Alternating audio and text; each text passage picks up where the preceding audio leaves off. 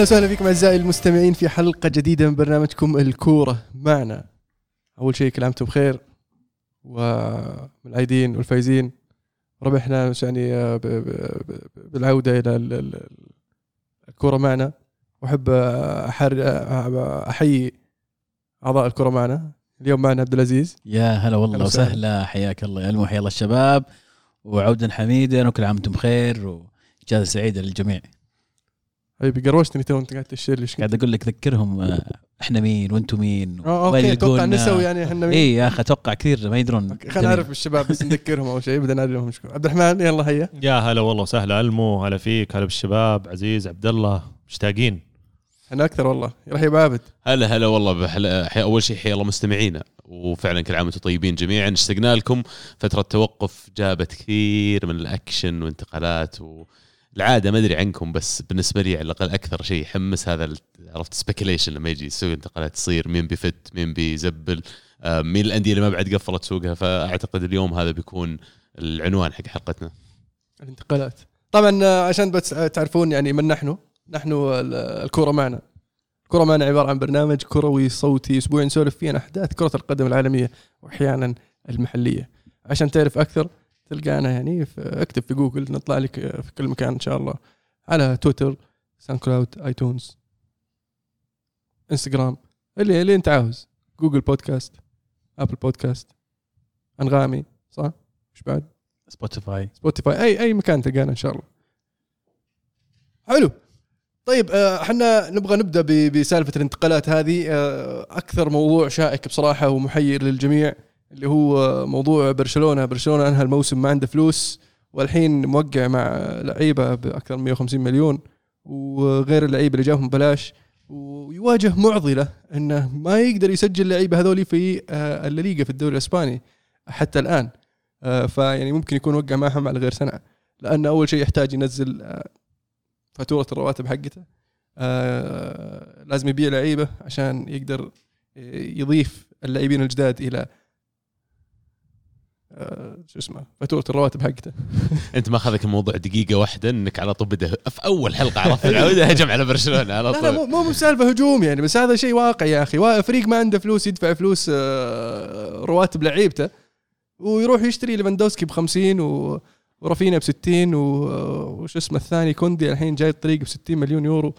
ف وكيسي من ميلان إيه، وكريستنسن من تشيلسي كريستنسن هذا صراحة. تشطيح ومو بس كذا لما تجي تشوفها وتطالع إن عنده أوباميانج already طب عندك striker رقم 10 أو رقم 9 وأنت يعني وضعك المادي المفروض إنه صعب أو هذا الشيء اللي هم يتكلمون عنه وبعدين تروح تجيب لي ليفاندوفسكي طب أنت كان عندك سترايكر يعني مو بحتى اللي كان عندك ثغرة ما تقدر تسدها واليوم يجدون نفسهم حسب اللي فهمته أنا في موقف إنه لازم يبيع اللاعبين اللي عنده عشان يسوي بالانس للرواتب لكن ديونج قد يكون الأقرب إنه يطلع ويمكن هو في مفاوضات مع يونايتد يقولون لن يتنازل عن المستحقات المتأخرة له في برشلونة. وشطح الصراحة إن النادي قاعد يحاول يضغط على اللاعبين. أفهم وجهة نظره هو لما يشوف اللاعبين كل اللي تكلمت عنهم اللي شروهم برشلونة وبعدين تجي تقول لي والله خفض مستحقاتك لأن ما نقدر ندفع. لا يا شيخ. لا لا مو مو بكذا قالوا له. آه قالوا له تطلع وانسى مستحقاتك. فيعني غير منطقي. ثم طلبوا من اليونايتد إن يونايتد ما دام إنك جاي وتبغى اللاعب ادفع له الرواتب اللي إحنا ما قدرنا ندفعها وما عندنا فلوس ندفعها بس عندنا فلوس نشتري لعيبة. فادفع له أنت الرواتب وخذها خلاص حل المشكلة. فاللاعب أصلا في موقف اللاعب إنه هو ما يبغى يطلع من برشلونة وبرشلونة فريق فريق حلم طفولته. فهو في في محله آه، يجي نادي يجبره إنه يطلع لأن تعاون معهم ونزل راتبه على أساس إنهم بيدفعونها له على الموسم الجاي. آه، حبا في النادي. ثم يجي في النادي يقول له اسمع ما عندي لك فلوس. فأقبل العرض وامشي. آه، إلا إذا كان تبي تقعد مصر يعني نزل راتبك نزل تقريبا 40 إلى 50% تشطيح. هذا اسمه تشطيح. وبعدين يعني لو إنك زي ما قلت لك تو انه هادي في سوق الانتقالات مو قاعدين يشترون أحد وضعهم فعلا صعب لكن قاعد تمشي توقع مع لاعبين. ومعليش لا تقنعني إن ليفندوفسكي راتبه منخفض لا تقنعني إن النجوم اللي جابوهم اعطوهم رواتب اطفاس لا أكيد ملتزمين معاهم مبالغ كبيرة. ما أدري وش اللي وفر لهم أصلا هالسيولة من الأساس لكن يبدو لي باعوا جزء من مستقبلهم. وش سميته يا عبد الرحمن؟ الرافعات الاقتصادية. الرافعات ممكن أحد اشرح يشرح لي إيه. أكثر عن الرافعات الاقتصادية. وكيف برشلونة قاعد يسوون كذا؟ وش قاعد وش اللي ال- ال- الثغرة اللي لاقينها اللي قاعد يستغلونها؟ ويسوون الأشياء هذه؟ هي هي مي بثغرة. هي من الأساس شيء طرح يمكن من أكثر من موسمين خصوصا بعد ازمه الفيروس قبل سنتين. آه، عادي صار لا نقدر نقول okay. الكلمة. okay. إلى الآن عرفت أدور كلمة بديلة. عرفت قلش يدور اللي بعده. آه، بعد أزمة كوفيد آه، بدأوا بدأ تيباس تحديدا يعرض سي في سي إذا كنتوا كنتوا سمعتوا عنه اللي هو آه، الشركة اللي اللي بتشتري حقوق آه، آه، ريال مدريد وبرشلونة لمدة 50 سنة آه، بمبلغ مالي مقطوع آه، بغض النظر عن عن وضع الفريق بعد خمس سنوات بعد عشر سنوات يزيد دخله ما يزيد دخله ما إلى ذلك. فالفكرة كانت أساسا مطروحة فبناء عليها الحل الوحيد طبعا برشلونة ال- ال- المشكلتين اللي يعاني منها هي مشكلة الديون عنده ديون آه، تقريبا تفوق آه، المليار. تفوق المليار مليار و200 مليون ولكن تخيل إنه المشكلة مي مي في المليار و200 مليون هذه هذه المليار و200 مليون ديون يمكن كل أندية العالم ممكن عليها ديون لكن المشكلة في الديون العاجلة منها آه، والديون العاجلة هي اللي تشكل يمكن حاجز أو تشكل أزمة تمنعهم من التسجيل أو التعاقد وما إلى ذلك اللي اللي تقريبا حول 600 أو 700 مليون. المشكلة الثانية اللي هي الرواتب العالية طبعا اللي قاعدين يحاولون يحلونها الآن باللي قاعد يصير مع دي يونغ وفي لاعبين كثير نجوم في الفريق آه، نزلوا رواتبهم. نزلوا رواتبهم آه، كنجوم الفريق حتى ديمبلي وقت تجديد ديمبلي آه، آه، جدد براتب أقل ولكن آه، بطريقة مختلفة يعني آه، قالوا له okay بننزل راتبك 40% لكن ال 40% في 40% هذه بنحط لك إياها ضمانات في حال إنك لعبت عدد مباريات معين في الموسم في حال إنك سجلت زيادة bonuses إيه. bonuses آه، بحيث إنه المجموع يوصل إلى راتبة أو حتى أكثر من راتبة. آه، ف جاء لابورتا قال مع مجلس إدارته اقترحوا بيع جزء آه، من حقوق البث آه، لنادي برشلونة لعدد سنوات أقل 25 سنة ونسبة ما تتعدى 25% آه، هذا المقترح الأول، المقترح الثاني اللي هو بيع آه، آه، نسبة برضو لا بأس بها تقريبا 49.9 من ال BLM لشركة برشلونة ال- ال- ال- الترخيص ال media- ال media arm merchandising اي آه، برسا licensing and merchandising بحيث إنه 49.9 بحيث إنه يصير عنده الأحقية بعدين في الرفض والقبول والتصويت وما إلى ذلك. آه، وبناء على هذا الخيارين أو الحلين دعا إلى آه، اجتماع عاجل آه، آه، جمعية عمومية لجميع أعضاء الفريق على أساس يأخذ الموافقة على آه، إنه يروح مع هذا الخيارين. وهذا اللي صار تقريبا في منتصف آه، جون بحيث إنه يقدرون يأخذون الموافقة ويبدون عمليات البيع قبل آه، تسليم السنة المالية أو قبل تسليم التقرير المالي اللي المفروض يسلم بنهاية شهر ستة آه، بحيث إنه يوضح آه، للاتحاد الأسباني إنه ترى قلت الديون بعد ما إحنا سوينا هذه الصفقة وبعنا قللنا سقف الرواتب بعد ما قللوا اللاعبين فبالتالي آه، تصير آه، آه، عمليات التسجيل آه، آه، تتسهل نوعا ما. زائد سقف الرواتب بالنسبة لك آه، يرتفع شوي ويسمح لك إنك أنت تجيب هذول اللاعبين أو تسجلهم في وقت لاحق بعد ما تصير الكثير من الأشياء هذه. اللي ما عنده اهتمام عاد يدخل في التفاصيل مرة 100% أم، اللي أقدر أقوله إنه باعوا جزء من دخلهم المستقبلي عشان يقدر يوقع مع اللاعبين اليوم. بالضبط. يعني هم الحين قاعدين يقولون نتمنى أو توقعهم أن المبيعات حقتهم والمداخيل حقتهم ترتفع خلال السنوات القادمة ويعوضهم عن هذا الفرق. لكن فعليا باعوا المستقبل لأجل اليوم وما أدري الصراحة وش الخطة وإيش بيصير وقد إيش أهمية هذا الموسم القادم بالنسبة لبرشلونة؟ لكن أعتقد لو إدارة مختلفة شوي يمكن كان قررت إن الفريق ينزل التكاليف بشكل كبير خلال سنتين ثلاث سنين لين يزين وضعهم بدل من إنهم يدخلون في صفقة بالطريقة اللي تكلمت عنها عبد الرحمن. اي وه- وهذا وهذا اللي هم أو أو هذا اللي الجمهور الآن جالس خايف منه. طب أوكي أنا الآن آه، أمنت وضع الفريق خلال الموسم والموسم الجاي. وفرت السيولة هذه ال- ال- المالية الحالية. آه، طيب بعدين؟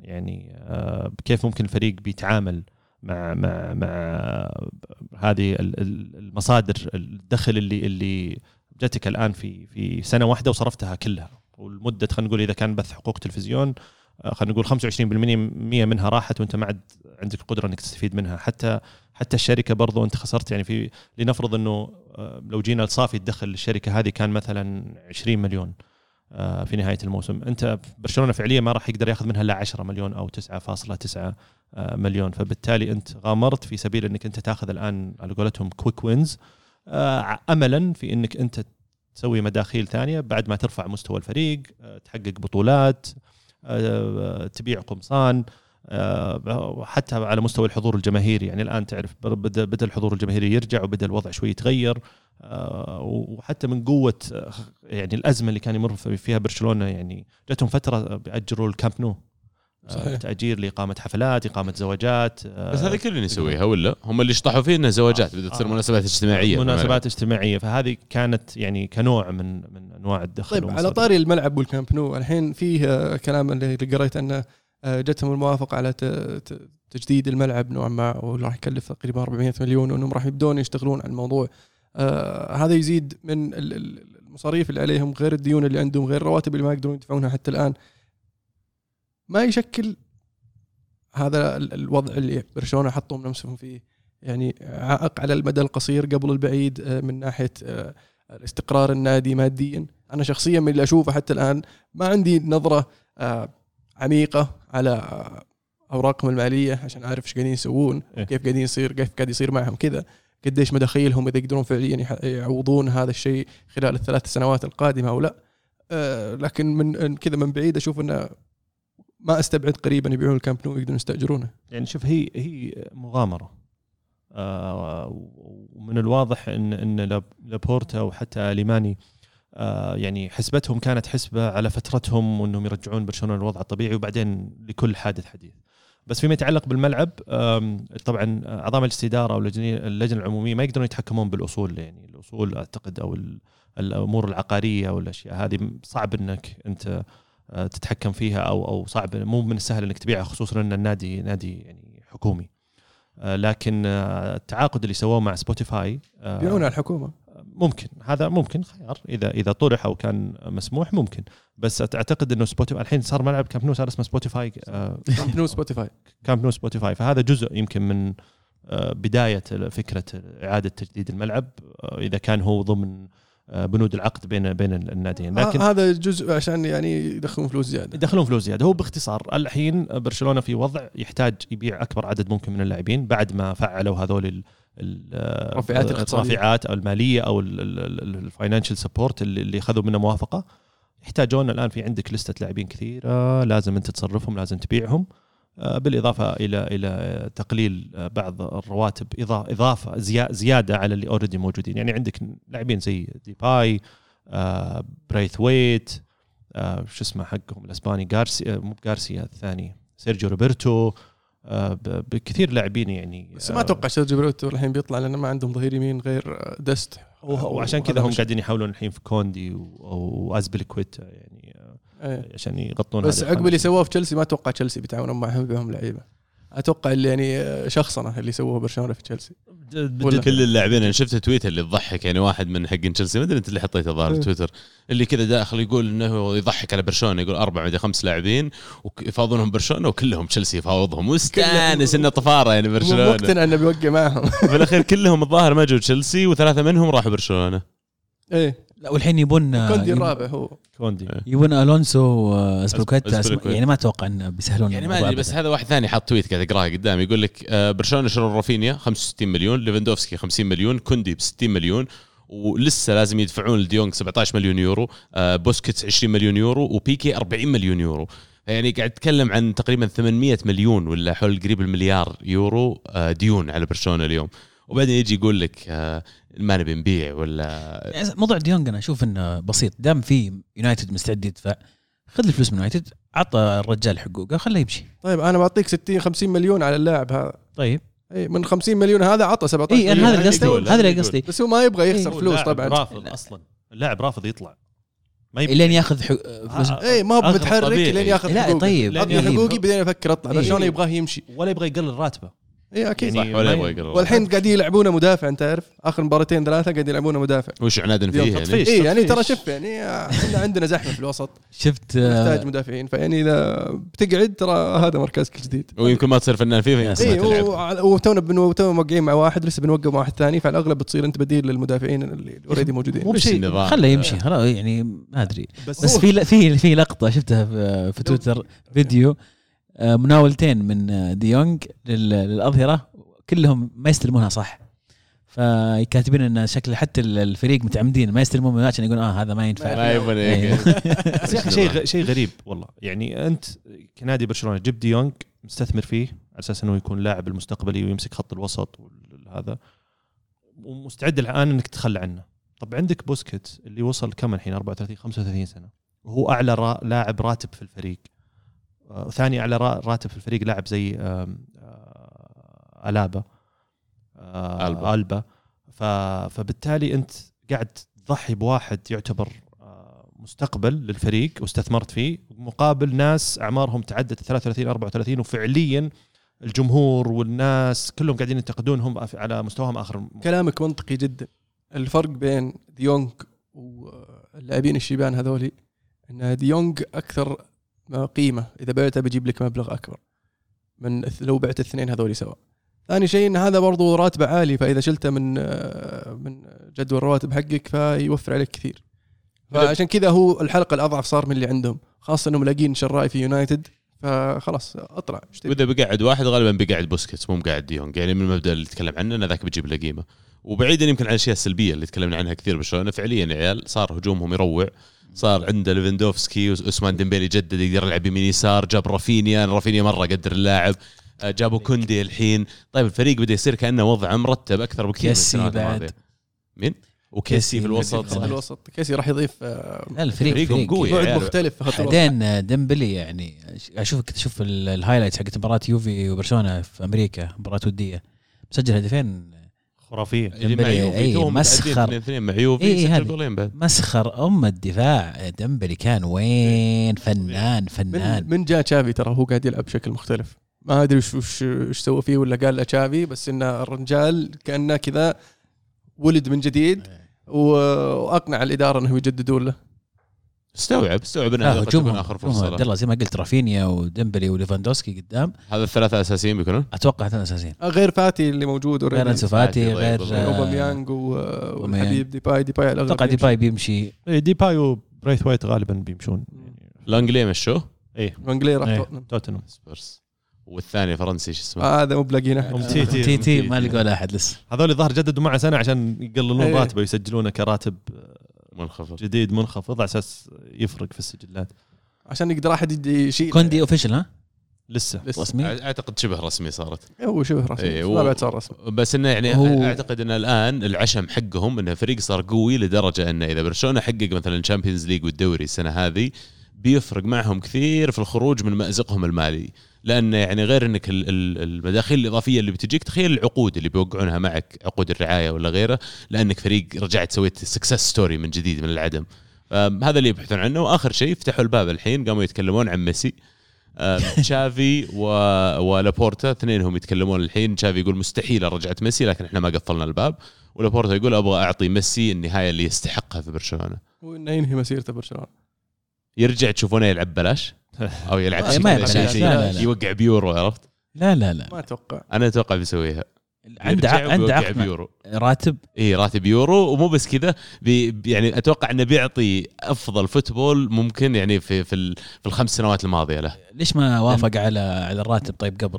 يوم ما أعتقد عزيز كانت مشكلة فلوس. يعني الحين قاعدين نشوفه تثبت لنا إنه من مشكلة فلوس. لو بغوا كان سووا نفس هالحركات اللي قاعدين يستهبلون فيها الحين وقعد ميسي. لكن شكله توجه ميسي يمكن كان لازم يطلعه عشان يبدأ يبني من جديد. لأن ترى فعليا خلال السنتين ثلاثة الماضية صار ريستراكشر ترى في برشلونة. اللاعبين تغيروا آه، طريقة تعاملهم مع العقود تغيرت. فيعني حتى مع إننا قاعدين نشوفهم يصرفون يمكن كانت خروجه يعني شيء لابد منه. هي هي وقتها كان من المستحيل إن ميسي يجلس. وقتها بسبب آه، اللي صار من الإدارة السابقة وصل سقف الرواتب إلى 98 مليون يورو في برشلونة بعد ما كان حول 500 600 مليون. راتب ميسي بالحاله تقريبا 120 مدري 140 مليون. فبالتالي أنت عشان ترفع سقف هذا الرواتب يبغى لك أقل شيء نص موسم إلى موسم على أساس تسوي نفس اللي قاعد تسويه لابورتا الحين. فبالتالي كان من المستحيل إن ميسي يقعد بس كم كم بيفكونه بي إس جي؟ خلص عقده يعني هو الصيف خلص. عقده السنة الجاية. السنة الجاية يعني مو السنة هذه. إي لا لا ما مو السنة ذي يعني حتى لو بيجيبونه فعلا مو بجايبينه الحين بيجيبونه آخر سنة في ال career حقه آخر سنتين. هو الفكرة بدون ضغط. إذا خلص عقده مع برشلونة طبعا مع عفوا بي إس جي. بي إس جي هم موقعين معاه عقدين آه، عقد سنتين زائد واحد. ف آه، إذا قعد السنة ال- ال- الثالثة هذه يزيد راتبه ويجيه بونس أكثر من راتبه يعني كذا يكبون عليه فلوس عشان يقعد. بس أتوقع إذا جوه برشلونة وقتها بيقولوا يعطيكم العافية بي إس جي أنا بروح برشلونة. وسؤال يمكن اللي يتابعون البرشلونيين بالذات هل ما عندك مشكلة إنه يرجع اللاعب؟ أنا أدري في ارتباط عاطفي وكذا لكن إذا فعلا خط هجومك زي ما تكلمنا تو ليفاندوفسكي واسمان ديمبيلي ورافينيا وخلينا نقول إنهم قلشوا ولعبوا مرة كويس، هل ما زلت يعني ترغب إنه يكون الباب مفتوح لميسي؟ أه سمعونا رأيكم في تويتر. فعلا طيب يعني آه، برشلونة وش وش خطتهم الموسم الجاي؟ الدوري، الدوري وال Champions خطتهم. يعني ال Champions حتى صعب أحس صعب يعني فريق جديد مجمع مدري آه، س- سبع ثمان لعيبة صعبة إنك تفوز معهم بال Champion بالدوري حتى. في أول موسم لك. بس منطقيا لما أجي أشوف خطوطهم يا عيال عندهم واحد من أفضل الحراس الموجودين في أوروبا. خط الدفاع جابوا لك كوندي آه، عنده ألبا من أول من ال old guard يقولون بيجيبون أزبيلكويتا توكم تقولون بقى لهم مدافع بعد إضافي. هذا معناته قفل خانة الدفاع كلها.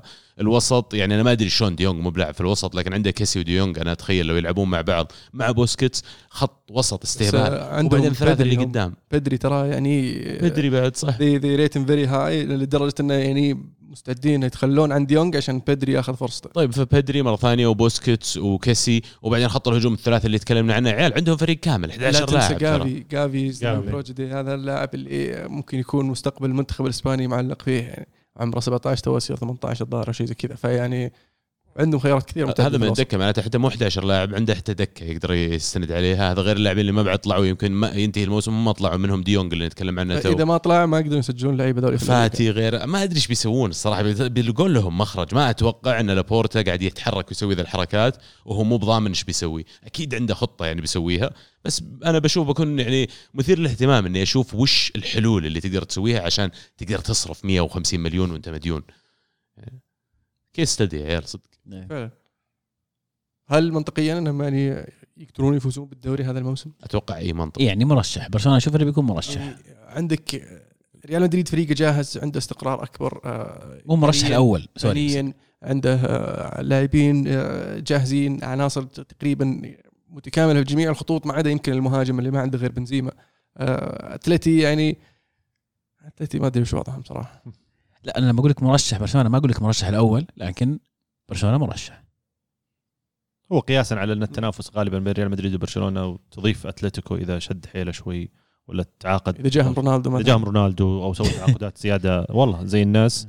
هنا ي- يفرق آه، الموضوع. لكن أنا يمكن أختلف على نقطة الدفاع فيما يخص برشلونة. مشكلة برشلونة ال- ال- ال- صح. الأزلية في خط الدفاع. آه، عشان كذا هم الآن مصرين على كوندي ومستعدين يجيبون ازبلكويتا مع ألونسو كبدلة للأظهرة أو حتى كخط أساسي لأن حتى من الوديتين اللي شفتها يمكن مو بمقياس ولكن في في في مشاكل آه، دفاعية مين ظهيرهم اليمين؟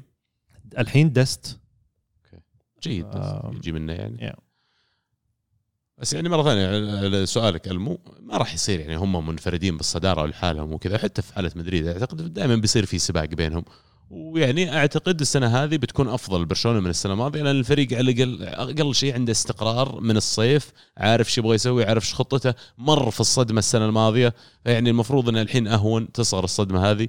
ونشوف اللاعبين يا أخي أنا عاجبني الجوع اللي قاعد اشوفه في لاعبينه. ليفندوفسكي جاي صح إنه كبير بس يا عيال شكله جوعان. إيه. جاي يبي يستهبل في الدوري الإسباني فيعني واحد زيه اي أحس يقدر يسوي carry لبرشلونة ويوصلهم ال- الدوري يعني المركز الأول.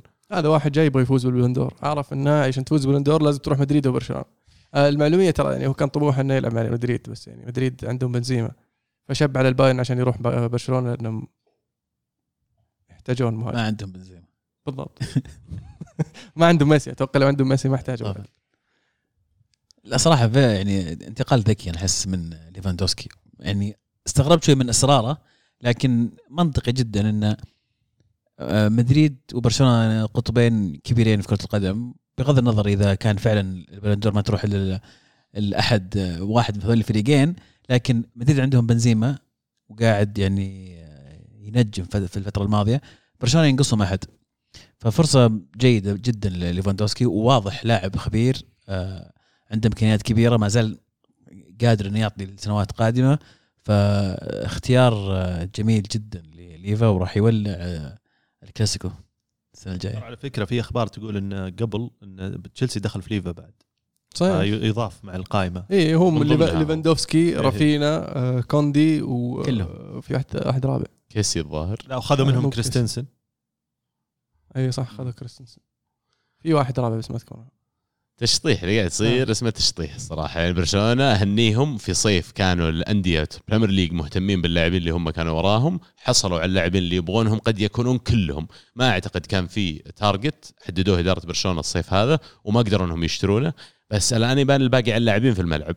هل تنزلون تصيرون رجال؟ فعلا يعني يصير تسوون ال risk والمخاطرة الكبيرة اللي برشلونة قاعد ياخذها الحين. مو بس بالحاضر بس حتى بالمستقبل ويعني لازم تقدمون شيء على أرض الملعب. فأنا باعتقادي أي شيء أقل من بطولة يا الدوري يا ال Champions بيكون فشل بالنسبة للفريق اللي اللي حطوه مع بعض. وطبعا مطالبة كبيرة زي ما قلت مو ست لاعبين جدد يعني فال advantage مو معهم. فعلا. مدريد من جابوا يا عيال؟ تشواميني روديجر. وروديجر اثنين بس ها؟ بس عارفين إيش تبون. تشواميني يعني بيكون- مبابي. مبابي ما بعد لسه downloading ولا خلاص شلتوها من راسكم. والله ما نشيل شيء من راسنا إحنا. يعني شوف عن الهياط يعني بس ال- السلطات السلطات التنفيذية اللي حطوها في يدنا ما أدري تكلمنا عن الموضوع ولا لا بالحلقة إيه، الماضية. كثير. في الموسم الماضي آه، okay. آه. بس إنه يعني هالاند مثلا الحين يعني هو اللي قد يكون أقرب إنه يكون واقعي. لا وصارت ترى اللي اللي مبابي آه، يعني السلطة ولا الأشياء اللي طلبها هو كانت كلها كلام ترى. ما ما كنا ندري إنه صح. فجأة فعليا انشال ليوناردو وانشال المدرب وجاب آه، الأشخاص اللي هو يبغاهم تحديدا هو بيتحكم. بس على الطاري يعني ما ما ودي نشطح شوي بس انه يبدو لي في حزازيات في في في في بين اللاعبين في عشان كذا ما يبون. نيمار. عشان كذا يحاولون يصرفون نيمار. اي خاصة سالفة نيمار هذه طلعت لنا في كم صورة شفت فيديو آه، آه، تمرين آه، يحتاج لاعبين كذا يشدون بعض بعدين يركضون كذا يفكون sprint. آه، مبابي وقف قدام نيمار نيمار كذا لف أعطاه أعطاه ظهره ثم جاء مدرب كذا ساعد مبابي خلاه ينطلق ثم نيمار استنى ميسي يجي ثم أنطلق. في صورة ثانية في التسخين في في اليابان تلقى ثلاثة ميسي نيمار فيراتي يسولفون مع بعض بعدين مجموعة كل ثلاثة اثنين يسولفون مع بعض بعدين نيمار يركض لحاله. نيمار. آه، عفوا مبابي يركض لحاله. فتحس الفريق كله كره حركة مبابي ذي؟ يعني ما ما أحس إنه يعني صاروا يشوفون إنه يعني عنده سلطة وأقوى. اي هذا المدير. ما, ما تقروش ما تدخل البزر ما ندخل صار. والله شطحة ما أدري الصراحه إيش إيه. بيسوون بس أتخيل لو إني مكان مبابي وأنظر إني أفضل لاعب في العالم إي والله يا شيخ أبغى فريق فيه ثمان مدافعين ورا ومعي صانع العاب واحد وأنا المهاجم أنا الكل في الكل فيعني فعليا نيمار قاعد يصير عائق بالنسبة له يعني ميسي متح... صابر عليه على الأقل يمكن لأنه ميسي صانع العاب ما أنت بلاقي أحسن واحد أحسن من كذا ومو قاعد يصير أناني معهم إذا عندك ميسي ما تحتاج نيمار ولا؟ إيه تبي أقول لك تبي مدافع زيادة. حطوا لي دفاع أهم شيء لا. يدخل علينا أهداف. تو موقعين مع موكيلي في. واحد بعد في النص لا لا حتى لو أنه مو بيشترون واحد بس قصدي صفة الفريق. ما أبغى آه. نلعب 4 3 3 الثلاثه اللي قدام ما يدافعون. اي فعلا. حلو. آه في آه، الدوري الإنجليزي. الدوري الإنجليزي كان في حركة كثير بصراحة.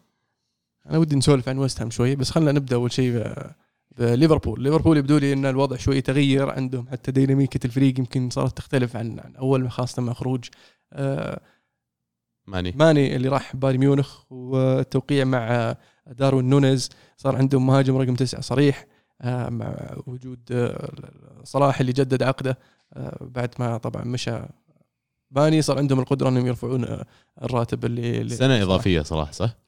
آه يعني مو ثلاث ثلاث سنوات ثلاث لين سنوات. لين 25 سنتين اضافيه أجل. آه ف الفريق يمكن يتغير حتى كيف كيف يلعبون أو كيف يأدون طريقة اللعب اللي تعودنا عليها مع أن وجود جوتا ما زال ممكن يعطيهم الفرصة أنهم يلعبون من غير مهاجم وجوتا في العمق. آه آه لكن السؤال هو توك شاري لاعب بهذا المبلغ بحجم داروين نونيز آه كرد على السيتي أنهم شروا آه صعب إنك تلعب من غير داروين نونيز. أتوقع في البداية داروين نونيز راح يحتاج وقت إنه يدخل تدريجيا في الفريق. آه، يصير آه، في البداية يصير تشوفه ينزل كبديل.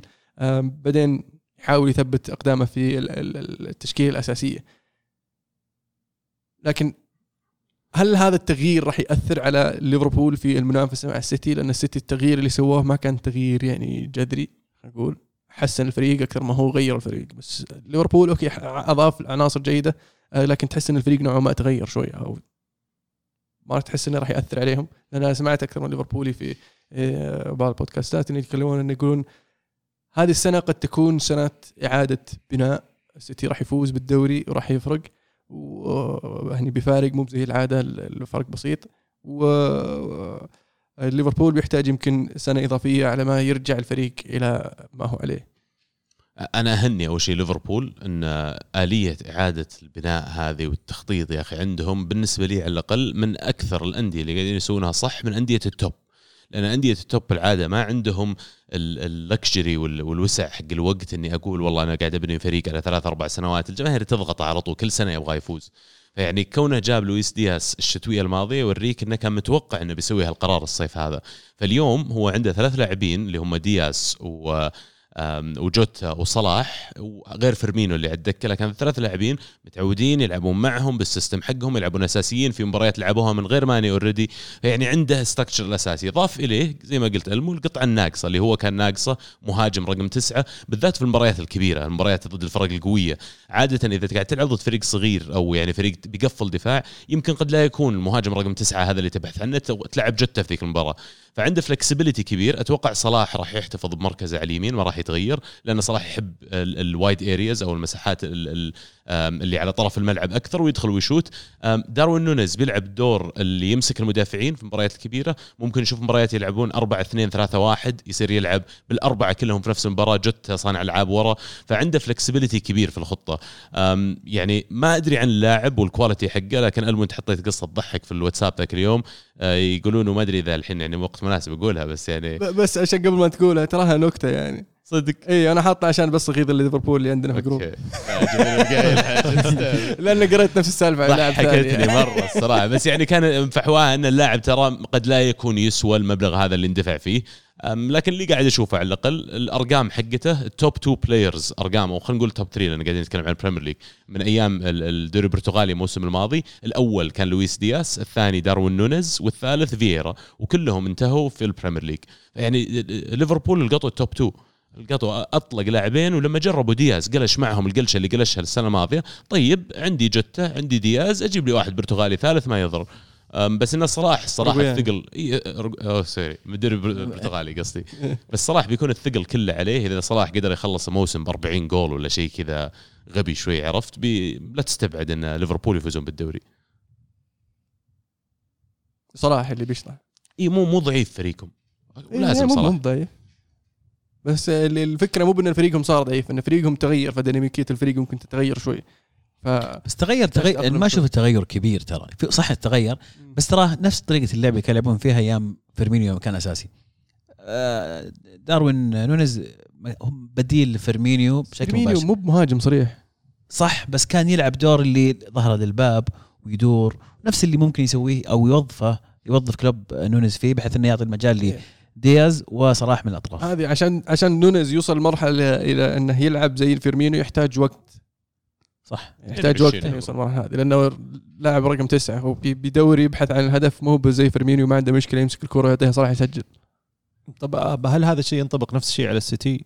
آه، من أي ناحية؟ من ناحية إعادة البناء لما قلت إنه ليفربول أو جمهور ليفربول يعتقدون إنه السنة هذه ممكن سنة آه، تريح أو إعادة بناء بناء والسيتي بكل اريحيه بياخذ لأن السيتي نفس الشيء ما كان يعتمد على مهاجم رقم تسعة. كان يعتمد على اجويرو بعدين اجويرو الموسم اللي راح بس اللي ما كان عنده اجويرو موسمين آخر موسم. الموسم اللي قبل اللي راح كان في اجويرو بس ما يلعب. وجوارديولا اي غير آخر موسمين اجويرو ما كان يلعب لأنه بنجيها بنجيها قبل ما نروح السيتي. بس على لا لا أنا سألت عن ليفربول. يعني هل هو ينطبق يعني على يعني هل يعني ليش ليفربول المفروض إنه سنة يصير إعادة بناء؟ وهو لاعب لاعب تقريبا فعليا اللي هو أضاف للتشكيله ما هو ما هو أنا قلت لك انه تغيرت الديناميكية تغيرت ديناميكية الفريق. مو أنا اللي قلت إعادة بناء أنا قلت لك واحد ليفربول أي لا لا أنا داري يعني قصدي ليش ليش الجمهور يعتقد إنه إعادة بناء ونفس الفكرة تنطبق خسرت لاعب بحجم ماني.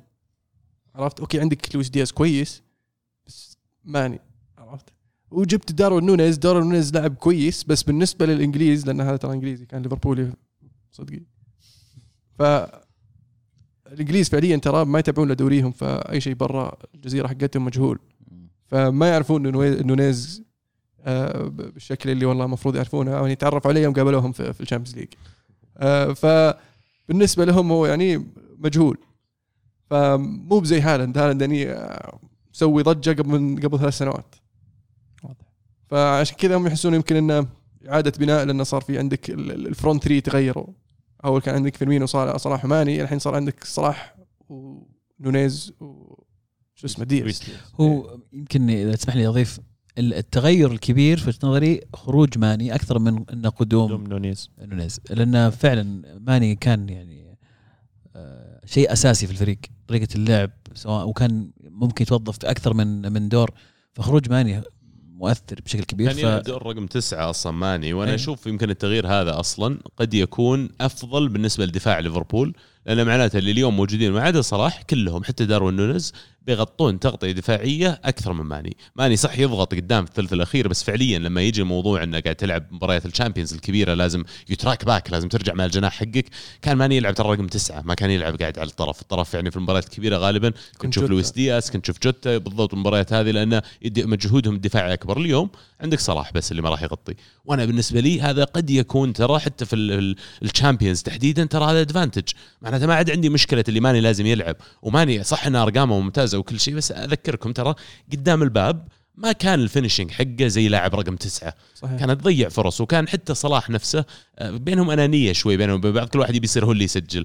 فإذا اختفت هذه وقدرت أنا فعلا أبني فريق حول هاللي جددت له ثلاث سنوات إضافية اللي هو صلاح قد تكون مصلحته لأن أنا أعتقد كلوب مدرب يعني جيد وبيلقى له طريقة إنه يحوس يسوي shuffle قدام إنه لما تصير الكورة مو مع ليفربول تلاقي صلاح ينزل رقم تسعة وداروين نونيز ولويس دياز يرجعون يغطون. وتخيل إنه بتصير اللعب حق ليفربول بالنسبة لي ديناميكي أكثر آه، من ما كان عليه أول. وش احتمالية إن واحد منهم أو ممكن كل الاثنين هم نونيز وهالاند يجيبون العيد الموسم الجاي؟ والله مو بعيد الصراحة. صغار ترى. كم؟ 22 21 سنة؟ 22 23 يبغى لهم وقت زي ما قلت. يبغى له وقت يتعود على الفريق على الدوري وراحوا لأصعب فريقين. يمكن حتى السيتي أصعب من ليفربول. آه، بس إن داروين نونيز يبغى له شوية وقت لكن ال- اللي في صالحه إن عادة اللاعبين الجدد اللي يشترونهم أندية إذا النادي successful إذا النادي قاعد يلعب مرة كويس آه، أسهل إنه ترى يدخل في الفورمة أسهل إنه يسجل جول يفوز الفريق الفريق قوي already عرفت؟ فعلا. بس يعني, يعني- بالنسبة للمهاجم إذا لعب ثلاث أربع مباريات مثلا غير ما يسجل يبدا يزيد الضغط يبدا يزيد الكلام هل هذا اللاعب يستحق إنك تدفع عليه المبلغ الفلاني؟ يا والصحافة الإنجليزية ما تقص ما تقصر طبعا في في ال- اللغط خلينا نقول. يدورونه يمكن الهالاند ترى يعني راح تكون مرة تجربة مختلفة لهالاند. يعني ما قد شفناه في في, في يلعب مع فريق يحب إنه دائما يكون مستحوذ ودائما الكرة معهم ودائما فشيء مختلف تماما لهالاند. اللي يخدمه إنه محاط بكمية نجوم يقدرون يصنعون للكره في في أي مركز كان فيه.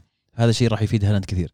لكن كأسلوب لعب أتوقع إن أسلوب جديد على هالاند من ناحية طريقة لعب السيتي مختلفة تماما عن كل التجربتين السابقة لهالاند. فعلا. يعني لو لو راح ال- الليفربول ممكن يضبط معهم أسرع من مع السيتي. أوف تخيل لو راح ليفربول. مشكلة. واو. لا لا يا عمي فكنا بس. على هالاند يا عيال على أرقام شوي إذا بتتكلمون عنه. هالاند خلال السنتين الماضيات قاعد يسجل أهداف أكثر من الاكس جي حقه. إكس جي اللي هو ال expected goals اللي يطلع لك إياه حسبه أنه كم متوقع تسجل مع عدد الفرص اللي جتك. فمثلا متوقع ال- ال algorithm إنك تسجل 10 أهداف هو سجل 15 هدف. قاعد يسجل at rate من ناحية إنه أعلى من الاكس جي حقه أكثر من ميسي ورونالدو. ففي العادة هذا واحدة من شيئين يا إما إن اللاعب محظوظ فيعني الفرص اللي المفروض ما تدخل قاعد يسجلها ولا الجانب الآخر إن عرفت اللي رجله ما ترحم اللي حتى الأشياء اللي مو بجول هذه ما تدخل أصلا قاعد يسجلها فتاريخيا كان دائما في شيء اسمه بوندسليغا tax أو ضريبة اللي يجون من الدوري الألماني لل Premier League وكان دائما الاكس جي حقهم لما يجون ال Premier League من ألمانيا ينزل بمعدل معين. هالر واحد منهم. كثير كلهم كل اللي جو حتى سانشو منهم. آه ما تحضرني الحين لسه بس كثير. هافيرتز آه آه، شو يسمونه حق. تشيلسي الثاني؟ فيرنر. آه، كثير كثير. مرة ثانية دي بروينا يوم جاء. فيعني عموما هذا هذا شيء حقيقي عرفته موجود تقريبا كل لاعب يمر فيه. لكن هالاند الآن هو يقول هو موهبة استثنائية والعالم يشهد إنه موهبة استثنائية. فالآن بيبين فعلا مع السيتي تغير أسلوب اللعب زي ما قلت يا عزيز. تغير عليك الدوري. جيت في دوري كل أحد قاعد ينقص الاكس جي حقه لما يروح. هل تقدر تبتل تسجل على نفس ال rate؟ ال- ال- المنطق يقول انه لا لأنه ما في ولا لاعب في تاريخ كرة القدم قدر إنه على فترة career مثلا ثمانية ولا عشر سنوات إنه يسجل أكثر من الإكس جي حقه. حتى ميسي ورونالدو ما يقدرون. يعني نشوف إيش بيسوي مع السيتي هذه ترى يعني كبير. يعني ممكن ما ودي أشطح موضوع ثاني تماما بس يمكن يجب اعاده النظر في الاكس جي هذا. هي قد يكون اللاعب إيه. اللي يعيد تعريفه عرفت؟ إذا أنت صرت أسطورة أنت لكن ال- ال- المختصر واللي يفهم من كلامي كله إنه فرص داروين نونز بالنجاح باعتقادي أعلى من فرص هالاند بالنجاح وهذا يمكن سؤالك تو. هالاند is bigger risk بالنسبة لي. صحيح؟ يعني أنا أشعر كذا لأن الضغط عليه أقل. الضغط على نونز أقل. مع انه قيمته عالية بس العالم كله هالاند هالاند هالاند. يعني نشوف الحين إيش إيش بيسوي. حلو. طيب آه، على على طاري نشوش بيسوي. آه، كونتي. كونتي مع توتنهام يعني آه، أذكر في آخر حلقة واخر حلقتين في الموسم الماضي كنا نقول إذا آه، توتنهام عطوا كونتي فعلا اللي يحتاجه ممكن بكل جدية ينافس ليفربول والسيتي على الدوري. آه، ممكن إنه يلاحقهم إلى آخر ثلاث جولات على الأقل. آه، إنه يكون في في محيط ال- ال- اللقب خلينا نقول. آه، وقعوا حتى الآن مع بيريسيتش آه، بسوما آه، ريشارلسون وجيد سبنس ظهير يمين. آه، لينجليه قلب دفاع. ويبدو لي إنه ما زال فيه آه، نوايا إنهم يجيبون لاعبين اضافيا ظهري نسيت واحد بعد. فورستر. آه، فورستر صح. آه، حارس بديل. ف يعني سواله سواله يعني آه، خط دفاع. عندك خط دفاع عندك روميرو كويس. آه، ديفيس يؤدي الواجب لكن تحتاج upgrade عليه فجاب لك لينجليه آه، كنت أتوقع منه إنه صراحة توتنهام بيروح يجيبون آه، باو توريس بس آه، فضل لينجلي لأنه أرخص ممكن. آه، لسه أتوقع في واحد بيجي على اليمين آه، في في خط ال- الدفاع لأنه بحكم إنه يلعب ثلاثة. آه، على اليسار جاب لك آه، روميرو على اليمين. كان هو روميرو يمين ديفيس يسار وداير في النص. اي بس يعني إذا بتسوي upgrade على كلن وبتخلي داير لسه في الدفاع فيعني أنت ما بتفوز كان- بالدوري؟ داير غير روميرو. مستانس عليه مستانس عليه لأنه يعرف يلعب برجوله. لما تلعب ثلاث مدافعين كأنه ليبرو عرفت؟ بس النسخة الجديدة من ليبرو اللي لما الدفاع يستلم الكرة من اللي يوزعها هو كان داير عندهم. وأعتقد اللي أقرب إنه يتغير ديفيس. أتوقع هي ديفيس خلاص لأنه جابوا لينجلي بس أنا أتوقع إنه يعني في السوق في أحسن من داير. آه، ف يعني إذا ال- ال- ال- الوسط الدفاع ما زال في داير أتوقع يعني راح يواجه صعوبة. آه، شو اسمه الحبيب كونتي. وفي ال في, ال في الوسط عنده عنده خيارات في في آه، الحبيب آه، بنتنكور وهويبرغ وأضاف إليهم بسوما على اليسار جاب لك آه، بيريسيتش. وعلى اليمين جاب لك سبنس فدعم الأظهرة لأنه يحب يلعب مع الأظهرة. آه، فعلى عنده الاغلب سيسينيون من قبل إيه عنده سيسينيون وريجلون في اليسار. أتوقع ريجلون ممكن يمشي. آه على اليمين عنده آه إمرسون. إمرسون وديورتي أتوقع ديورتي بيمشي. وتنجانجا تنجانجا مدافع. ما يلعب يمين لعب معهم كم مباراة يمين لا اي بس هو قلب دفاع يعني فما ما لنا بحاسبين على الظهير يمين أتوقع تنجانجا بيمشي بعد بيمشيه في كلام إنه وقدام ما تغير أحد. عندهم كولوسيفسكي كين وسون زاد ريتشارلسون عليه. ريتشاردسون صح ريتشارلسون يعطيه آه، حرية أكثر إنه يبدل فريق لأنه يلعب مهاجم وتقدر تريح كين في بعض المباريات يلعب على اليمين يمين. أو على إيه. اليسار آه، مين ف- بيكون. الأساسي تتوقعون مع كين وسون أتوقع كولوسيفسكي كولوسيفسكي حاليا واتوقع ريتشارلسون يحتاج يثبت نفسه على أساس إنه يقدر يدخل تشكيله ولا تستبعد تشوف كين فترات الموسم يلعب رقم عشرة. لا تستبعد ابدا بيلعب deep ويجو أصلا يلعب على دائرة النص. عرفت يدخل ويصير ريتشارلسون على الأقل ما أدري بياخذ مركز مين بس ممكن إنه يصير ينزل كمهاجم مكانه. ما أدري عن سبيرز إيش بيسوون الصراحة بس أشوف التمارين اللي قاعد تصير الحين في ال pre-season يقولون هلك اللاعبين هلك سون ما ما عمري شفته الظاهر منبطح مو قادر يتنفس في ال pre-season قاعد يسوي فيهم كذا. ما أدري إذا بيكون أثره إيجابي على الفريق لأنه يعني في الأخير سون وكين هذول لو واحد منهم فقد أنت خسرت نص فريقك. يعني إذا تعبتهم كثير قبل موسم معناته بعد 10 15 20 مباراة قد يعني يلحقهم إرهاق ولا تنسون إنه سنة كأس عالم يا عيال. فكين بيروح كأس عالم كوريا تأهلوا. صحيح. سون بيروح كأس عالم فيعني وضعهم قد لا يكون يعني أفضل وقت إنك تكرف اللاعبين. وأذكركم بيلسا إيش سوى بليدز السنة الماضية. آه بس آه يعني قد أختلف معك نوعا ما خاصة إن اذا كنت جاي على مقبل على موسم وطموحاتك عالية كمدرب. آه فتحتاج إن اللاعبين يكونون جاهزين خاصة في ال pre-season لأنه جايين بعد إجازة اللي ماخذ ثلاث أربع أسابيع إجازة. فلازم تجي تعطيهم إنه ترى من الحين طالع هذا المستوى هذا الليفل اللي نبغاه. فأرفع مستوى لياقتك ارفع مستوى جاهزيتك لأن خلال الموسم راح يصير جلد. الموسم هذا مع وجود كأس العالم راح يزيد ضغط المباريات خلال الموسم بالإضافة إلى كأس العالم اللي بيصير في النص. ف المتطلب على اللاعب من مجهود بدني وذهني راح يكون أكبر من المعتاد. فأفضل شيء إنك تجهزهم من الحين لهذه المرحلة ولا تستنى المرحلة تجي ثم تلقاهم مو بجاهزين. صح واللياقة العالية مو- مفيدة مرة مهمة يعني فعلا. على موسم مدار موسم كامل لكن بس اللي بقوله إني أحس إنهم يفتقدون صانع لعب إذا كانت خطته إنه بيعتمد على كين وسون في الدور هذا أكثر آه، فعلا بكون انترستد إني أشوف كيف بيطبقها فعليا بس في التشكيلة حقته ثلاثة أربعة ثلاثة وين بتحط الصانع اللعب؟ يا إما بيكون يعني واحد you invert المثلث اللي قدام فيصير بدل ما هو مهاجم وجناحين يصير عندك صانع ألعاب ومهاجمين بالذات في وجود ريتشارلسون الحين معناتها تقدر تلعب ريتشارلسون كين وسون في ال- ال hole هذه في الرقم 10 بالعكس كين في ال hole. ولا حتى كين؟ ريشارلسون وسون عشان يقدرون يعطونك شوي فيفا عرفت خطة فيفا ذي. إيه. بس هل هو فعلا والله هل, هل هو فعليا يلعب 3 4 3 إيه. ولا 5 3 2 اللي هي 3 5 2 آه يقدر يسويها كلها أعتقد. هذا اللي اللي لاحظته فيه في كونتي انه لما جاء للدوري الإنجليزي وهو استوعب هذا الشيء من الفرق عن الدوري الإيطالي إنك تحتاج آه، أجنحة. فبدل ما يلعب آه، ثلاثة خمسة اثنين قلبها إلى ثلاثة أربعة ثلاثة. فعلى أساس إن ال- الأطراف اللي قدام يعطونك آه، آه، ال- ال- ال- يغطون الخانة ال half spaces اللي تكلمنا عنها قبل فترة وتزيد الأطراف من ال ال ال الأظهرة. عرفت؟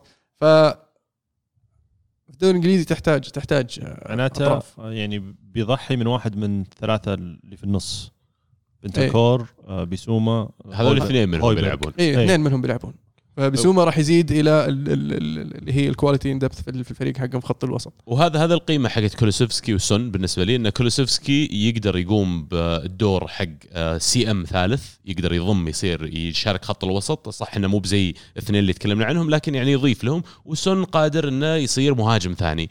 ففي أي وقت أنت تبغى تقريبا تغير shape الفريق هذا هذا ال flexibility اللي موجودة عنده اليوم. وعشان كذا أعتقد كولوسوفسكي مهم. يعني ما أدري الصراحه إذا بيستمر على هالتشكيلة طول الموسم لكن خمس تبديلات الموسم الجاي Premier League لأول مرة أعتقد أكثر أول واحد مرة بيحل بشكل رسمي يعني. إي أكثر واحد بيحللها ال- ال- الأظهرة حقين كونتي. مع انه تاريخيا على الأقل كونتي ما يسوي تبديلات كثير في بداية المباراة لكن أعتقد بتختلف اللعبة شوي في ظل وجود خمس تبديلات. خاصة بيصير عنده الحين خيارات في الأظهرة. ينشطهم دقيقة 70 60 ويمكن ينشط لك خط الوسط عشان يحافظ على ال- السيطرة على وسط الملعب. عنده فيعني خيارات عنده خ... لسه. يبقى له تبديلين زيادة. والله يعني فريقهم قوي بس أنا ما أعتقد إنه بيكونون على التفاؤل اللي موجود عند بعض الناس إنه يعني قد يكونون منافسين على الدوري الموسم القادم. أنا شخصيا أتوقع يعني مواريهم 86 نقطة توتنهام هذا الموسم. كثير والله. يا. مرة, كثير, كثير. إيه. يسويها كونتي.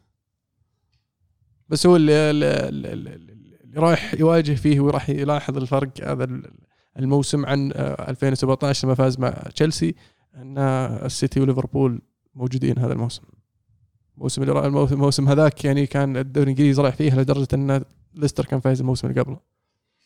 وغير ليفربول والسيتي الفرق الثاني جالسه تقوى. يعني أرسنال مثلا. أرسنال مثلا مو بزي الموسم اللي راح. الحين ويست هام ويست هام لو بنتكلم عنه برضو بعد الإضافات برضو بيستمر. خلقه هو أصلا كان الموسم اللي راح مقدم أداء رائع. ففي في تنافس أصعب احس الموسم هذا. فعلا كل موسم راح يكون أصعب من الموسم اللي قبله خاصه إن القوة الشرائية في الدوري الإنجليزي جدا عالية. فكل الأندية تقدر تدعم. نوتنغهام فورست شاري لهم ما أدري 11 لاعب. اي دائما كان حق ال Championship ارسنال على طري ارسنال جابوا جابرييل جيسوس جابوا زينشينكو جابوا فييرا جابوا تورنر الحارس وسليبا رجع من الإعارة.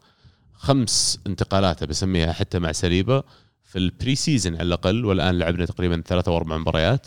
ال- الفريق استهبال يا عيال. الفريق صار قوي. الخانات هذه سليبا قاعد يسد خانة سليبا قاعد يقعد وايد دكة. زينشينكو. المفروض يقعد دكة بصراحة. مين؟ المفروض يقعد دكة إذا عندك سليبة. يعني ممكن تلعب ثلاث مدافعين بنشوف إيش يصير. الحين صار في ثلاث. مدافعين وتضيع خانة في الهجوم. صار flexibility هذا الفكرة ان مباريات أبغى ألعب ثلاث مدافعين صار عندي ثلاث قلوب دفاع أقدر أعتمد عليهم. أه حتى لو لعبت تيرني في ال- الخانه ال left center back هذه أقدر ألعب. زينشينكو على الظهير اليسار. زينشينكو يلعب CM بعد. الحين قاعد يلعب زينشينكو في أي خانة؟ قاعد يلعب ظهير يسار الحين. ظهير يسار. إي ظهير يسار. لكن ال long passes حقته يا عيال استهبال. جاينا من سيتي ذا يعرف يناول. وين؟ تغيير لأنه ترى مع. المنتخب ما يلعب ظهير. يلعب وسط. هو أصلا وسط. سي هو. أصلا وسط. إيه. إحنا محتاجين أصلا CM لأن فعليا اللي كنت بقول أنا عتبت بس شوي إنه يمكن السنة هذه كنت أتوقع نجيب CM زيادة. بس فعليا أرقام تشاكا إذا بس شفت تشاكا على الورق أرقام ارقامه زينة. لكن للأسف إن اللحظات اللي فقد فيها أعصابه ولا سوى غلطات كانت في مباريات كبيرة ومباريات محورية بالنسبة لأرسنال. مو بس السنة الماضية هذه بس خلال تجربة آه، تجربة الفريق معه. فهذا اللي قد يكون ما يلعب في صالحه ويمكن هذا المدرب ليش مؤمن فيه؟ لأنه يشوف على أرقامه وعلى الورق ال- ال- المجهود وال value اللي قاعد يقدم لك إياه كبيرة جدا. ومرات يعمل الفرق ترى بين فوز وخسارة. فآخر مباراة ودية ضد تشيلسي كان المفروض لها assist ين ترى assist ين وكان أو assist goal لأن في واحدة من الهجمات هو اللي ناولها. ال shot هذاك صدها الحارس يعني بطريقة غريبة جدا وحاول يكملها تشاكا ما دخلت جول لكن تسديد ترجعت اللاعب وسجلها. فاللي برجع لأن اليوم قاعد أشوف إن المراكز شبه متكاملة. جابرييل جيسوس طبعا اللي إضافته للهجوم على الأقل في المباريات الودية تروع يا عيال أم، قد ينافس على لقب الهداف لو كمل بنفس الوتيرة لأن ال- عرفت اللي يسوي الرنز؟ اللاعب اللي لما يلعب معاك 1 2 بدون ما تطالع انت وهو وراك تعرف انه قاعد يركض وراك قاعد يفتح الخانة. فلاعب زي مثلا شو اسمه ال CAM حقنا؟ اوديجارد اوديجارد اوديجارد مستانس على ال runs اللي قاعد يسويها جيسوس. اللي بيفرق الفريق انه بنشوف أتوقع shape ين للفريق خلال الموسم. واحد في المباريات الكبيرة وواحد في المباريات اللي ضد فرق أقل منك. آه لما تكون مباريات كبيرة راح تشوفون نيكيتيا يلعب. في الغالب راح يلعب جيسوس نيكيتيا وساكا في خط الهجوم وراهم طبعا اوديجارد آه المباريات اللي أصغر أتوقع إن نيكيتيا ما راح يلعب. آه بيلعب جيسوس هو ال- ال false nine كأنه. لأن بالطريقة هذه تقدر تخلق مساحات وتسحب المدافعين معك ورا للاعبين هذول اللي ممكن يسجلون. مارتينيلي طبعا وساكا وسميث رو واللاعبين اللي كانوا صغيرين في السن خلال السنوات الماضية يبدو لي هذه واحدة من المواسم الماضية اللي انقرصوا فيها شيء يوجع لما تخسر ضد سبيرز في ذيك المباراه اللي ممكن تحدد ال top four وتطلع من منافسة ال- ال top four تعلموا منها كثير وقد تكون دافع معنوي. أسولف مع أخوي أقول لكم قبل شوي ويقول لي اللي صار في ليفربول يوم بدأوا يتحولون من فريق almost يوم كانوا يطلعوا الثاني مرة مع لويس سواريز وغيره إلى فريق اليوم يروع. كانه مواريه بدايات اللي قاعد تصير مع الفريق الحين. في خطة في تكتيك في في أسلوب واضح كل لاعب عارف إيش قاعد يسوي على أرض الملعب فمتحمس أنا على الموسم الجاي. أه، بس الله يستر من سبيرز زي ما قلت إذا كانوا بياخذون 86 نقطة والله فيلم هذا. أعطاك إياها أعطاك إياها المهند. بصير أربع فرق يتنافسون على المركز الرابع. اللي هم طبعا ارسنال تشيلسي ويست هام ويونايتد ولا؟ ارسنال تشيلسي ويست هام يونايتد والله شوف تشيلسي إذا استمر على الوضع هذا وضعه شوي يرقل. بنجيه بعد شوي لكن آه على طاري ارسنال آه عبد الله لما قال إنه ثلاثة احتمال فعليا هو في المباريات الودية الأخيرة أو أو يمكن آخر مباراتين أو المباراة اللي قبل الأخيرة جرب يلعب ثلاثة ورا. وايت ولعب لعب وايت وساليبا وجابرييل بدا بدا فيهم المباراه ولعب زينشينكو يسار كأنه جناح ولعب ساكا كأنه جناح يمين. آه، وتشاكا وبارتي واوديجارد وقدام مارتينيلي وجابرييل جيسوس. حلوة ذي. إيه. وفييرا يا عيال فييرا ذا أنا ما أدري وش أتوقع منه بس عاجبني إنه لما جاء الآن ما له مكان في الفريق. عندك تقريبا 11 لاعبين يختارون أنفسهم. بس انه هو خيار. تعال لازم تشد حيلك إذا تبي تلعب. والصراحة اللي شفته منه من لقطات وأرقام من الدوري البرتغالي لاعب فنان مرة لكن يلعب نفس مركز اوديجارد فما أدري وين بيلعبه. وتحتاج بديل في كل في كل. مركز فهذا اللي سواه هو الحين. صح. آه، صار عندك خيار في خط الدفاع آه، بوجود ساليبا. صار عندك بديل في خط الظهير يسار مع وجود زينشينكو لأن يبدو لي تافاريز ده ما ما مشت معه. وصار عندك بديل في آه، خيار على اليمين وعلى اليسار وفي النص آه، خلف المهاجم وصار عندك خيار في خط الهجوم. فهذا يعطي أرسنال فرصة أكبر انه ينافس على بطولات أكبر ويصير عنده خيارات حلوة إنه يقدر يبدل أثناء المباراة وفي حال حدث آه، إصابة أو إيقاف أو شيء عندك خيارات يعني أخرى. ما أنت بتنقع okay الحين انصاب عندي المهاجم مين اللاعب. إلا ال CDM يا أخي هذا اللي ضاق صدري عليه. بس يعني اليوم CDMs عندي تشاكا والنني و بارتي. توماس بارتي. بارتي مو محور يا عيال. بارتي CM مهاجم. يعني لا يغرك يعني- أسلوبه وإنه جفس وكذا ترى دفاعيا يعني مو بأطلق واحد. والله أنا اللي شفته من أتلتي ايامه في أتلتي كان يلعب بالحاله. كان اتلتي. كلهم يطقون يجيهم buff كان كان أصلاً. من جد كان يلعب الحالة ويخليهم ينطلقون. وإذا أمسك الكورة وانطلق فيها ما ما يوقف أحد. يعني وهذا هذا اللي قاعد أقول لك يلعب box to box هو أكثر. فإحنا كنت أطمح بس بوجود واحد زي بيسوما زي ذا كانتي عرفت اللي يلعب ال position هذا اللي ما يعرف أصلا يهاجم. أنت وظيفتك تكي تحمي دفاعك. بس هذا هدفك وتأخذ الكورة. يعني تشاكا ما أدري بس آه، مو على كل حال طيب هذا حقي. الحين فيرا اللي فهمت من اللي قريت عنه إنه يلعب في أكثر من مركز. إنه ممكن يلعب ك رقم عشرة ويلعب على اليسار ويلعب كسي إم. فهذا يعطيك خيارات أكثر برضو في إنك تقدر تدور ال- ال- اللاعبين وتسوي تشكيل في آه، كل مباراة شكل مختلف. و شخصيا أنا فعلا كنت أشوف أرسنال يحتاج center midfielder لاعب وسط أكثر ما هو يحتاج tackle midfielder فكان المفروض إنهم ركزوا على تيليمانز مثلا آه، إنه لاعب center midfielder. يقدر يفيدك قدام أحسن من تجيب مهاجم يلعب أو لاعب بيلعب قدام يقدر يفيدك ورا. ولا إيش رأيك؟ يعني فعلا أنا أتفق مع كلامك إلى حد كبير بس كان ودي بهذا الدفاعي أكثر شيء حتى أكثر من تيليمانز شوي أبغى واحد دفاعي حتى لو إنه مو أساسي حتى لو بديل كان آه، مثلا قالوا ميلينكوفيتش سافيتش بس ما أبغى واحد زي ميلينكوفيتش سافيتش أبغى واحد مرة ثانية ما يعرف يلعب كورة واحد يعرف يقطع ويعرف يكسر واحد طور انتبه be careful what you wish for. عندنا اثنين يا إلهي. أعطيك واحد منهم. يعرفون يدافعون. يعني شكله ما يعرف يسوي مع. بعض بس لحالهم ما يعرفون. لازم يلعبون مع بعض عرفت؟ وتحط واحد منهم ضاعت الطاسة. قاعد تقنعني إيش لهم اثنين هم الحين. لا أنا قاعد أقول لك يعني be careful what you wish for اللي, اللي هم؟ فريد ومكتومني من توقع. إيه. فريد ومكتومني يذكروني عرفت اللعبة هذيك اللي كذا في كورة وتطقها طنق طنق طنق ball. أيوه. أيوه هم هم كذا في الوسط عرفت؟ يطقون الكورة بس ما حد يعرف يمسك الكورة يوزع. ما حد يعرف يمسك الكورة يمشي فيها. حتى إيه. توزيعهم يعني أصلا عموما أتوقع سوق الانتقالات بالنسبة لأرسنال لسه ما قفل. ما تتوقع قفل؟ ليش؟ آه، لأنه في تصريح طلع ما أعرف من مين بالضبط بس من واحد من المسؤولين في الأرسنال إنه لسه ما ما قفلنا سوق الانتقالات. يعني أتوقع من ناحية خروج إي يبون يبيعون بيبي باللي هي بيبي الحين لأن فعليا فييرا اللي تكلمت عنه تو أعتقد بيكون بديل مباشر لاوديجارد أو ساكا يبي يريح واحد منهم بيلعب فييرا وبيصير عندك آه سميث رو نفس الشيء على اليسار هو ومارتينيلي. وبعدين جابرييل جيسوس ونكيتيا في مركز striker. طبعا جابرييل جيسوس أعتقد بيبدأ كل المباريات ونفس الشيء بالنسبة لاوديجارد وإلى حد كبير ساكا يبقى مركز واحد متنافسين عليه ثلاثة واربع لاعبين صار زحمة عرفت؟ شلون إلى حد كبير ساكا؟ ساكا تحطه قبل ما تحط تشكيلة. ساكا اللاعب الارسنال الوحيد اللي لعب كل مباريات الموسم اللي راح. إي بس ما كان عنده بديل الآن. الحين عنده بديل صار.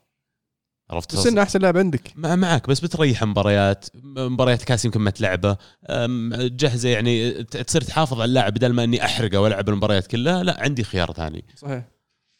بس والله إن شاء الله إنه خير إن شاء الله إنه خير لأن إذا فعلا ما قفلوا السوق بييرين موجود في النادي ما أدري إذا بيبيعونه ولا لا يبغى له ظهير يمين. سيدرك يعني okay ما قصرت وكذا بس إنه يبغى له واحد صاحي. تومياسو يعني بالنسبة لي الآن ما أشوفه right back تومياسو أصلي خل عنك. تومياسو CB يا أخي احسه أكثر يعني. أصلي يا أخي لأن اللي عرفت ال- ال- اللاعب اللي يعطيك 110 في الملعب إيه. مو بمرة فنان صح. بس إنه يحاول ولكنه مو بمرة سيء عرفت؟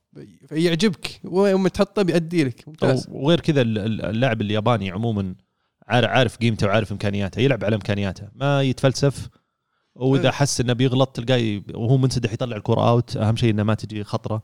هو. حاليا ارسنال يعني مو مشكلتهم ظهير يمين. ممكن في المستقبل قريب ممكن January ممكن في الصيف اللي بعده تجيب ظهير يمين. يعني يكون آه واحد يسوى.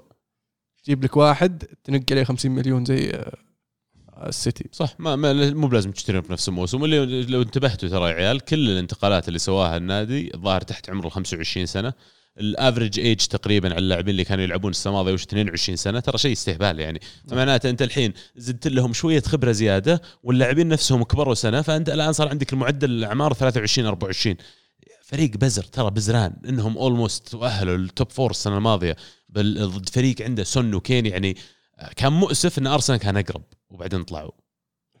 يعني الموسم هذا إن شاء الله مع حريقة مع جابرييل جيسوس أتوقع. لا ال quality ال quality ارتفع يعني حتى على مستوى الب- البد- البدلة زي ما قلنا الحين لو تفكر في كل خانة كل لاعب له بديل. يعني تقريبا. أحلى شيء في سوق الانتقالات هذا الموسم انه أعطانا خيارات ال Fantasy في خط الهجوم. يا إلهي صفقة جيزوس كأنها صفقة جديدة على ال Premier League.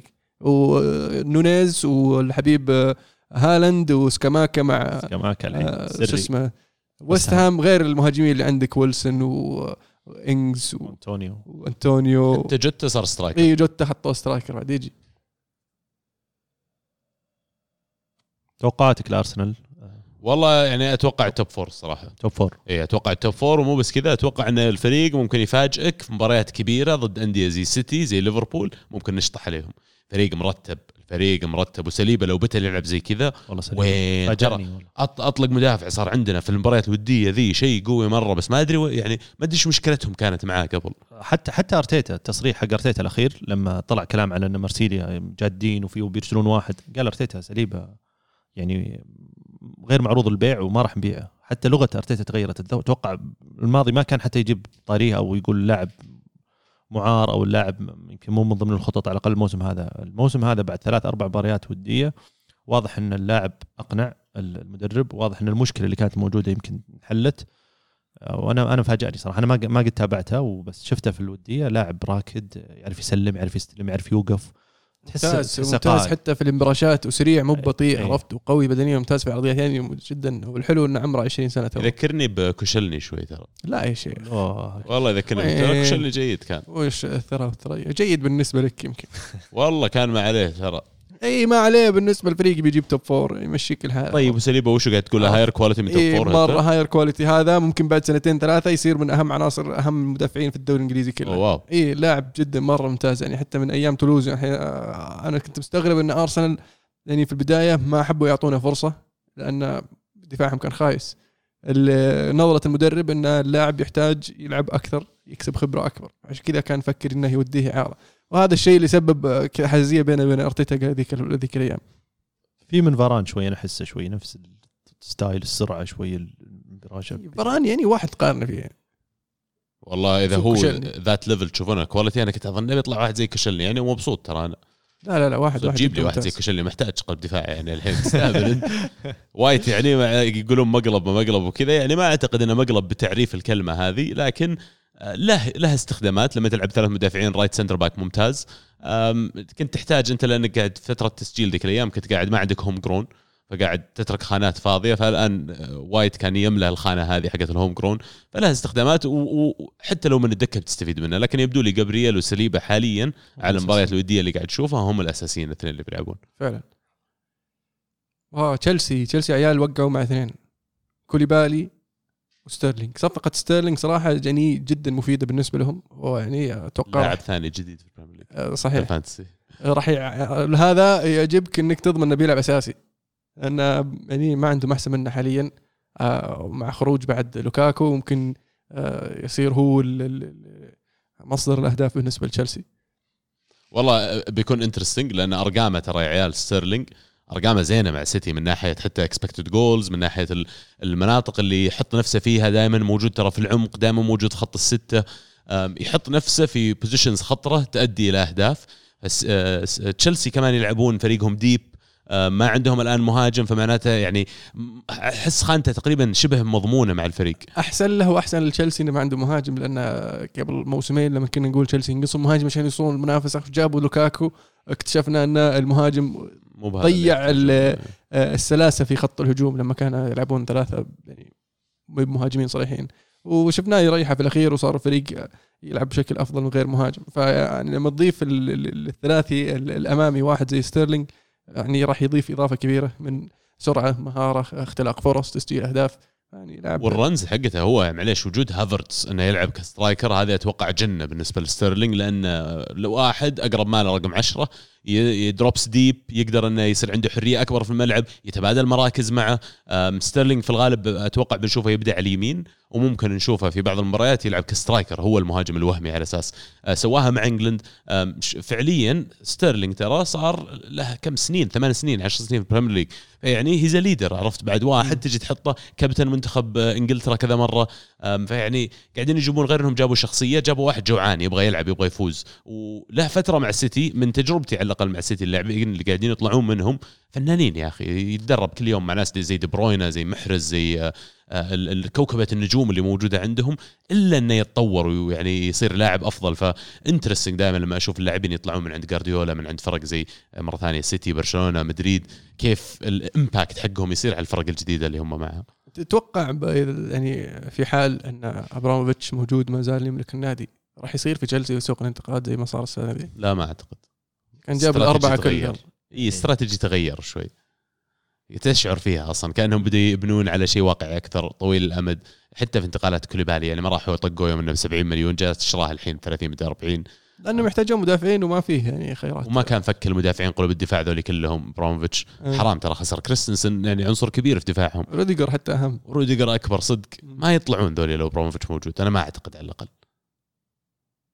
طيب تشيلسي ماضي وضعهم؟ أنا أحس إن وضعهم يرقل ترى ما يرقل. صدام يرقل. ما هو ب- يعني. حتى فريقهم ما تحسن قد ما هو تراجع خاصة في خط الدفاع خط الوسط ما شفنا تدعيم يعني زي ما كنا نتوقع مين بيلعبون وسط؟ آه، آه، كانتي و- كانتي وجورجينيو حاليا والإنجليزي اللي اضافوا. جالجر ميسون ماونت. ماونت جالجر جاب رجع من إعارة من كريستال بالاس وفي عندك؟ آه، كوفاتشيتش آه، كوفاتشيتش بعد إي بس يعني ما طوروا وسطهم إيه يعني إيه، آه،. جالجر ممكن يكون إضافة جيدة لكن ما تدري إذا هو بالمستوى اللي اللي يطمح إليه تشيلسي وجمهوره يعني. ومبدئيا عندهم هم الصراحة يعني starting 11 لكن من ضمن الفرق اللي تكلمنا عنهم سبيرز وارسنال خذوا خطوات كبيرة. أنا أشوف يعني سبيرز بتعيين المدرب والانتقالات اللي سووه ارسنال الفريق نفسه كبر وأضاف إليه لاعبين يحتاجون يحتاجونهم. فالحلقة الأضعف صار في ال ال ال هذه الدائرة كلها.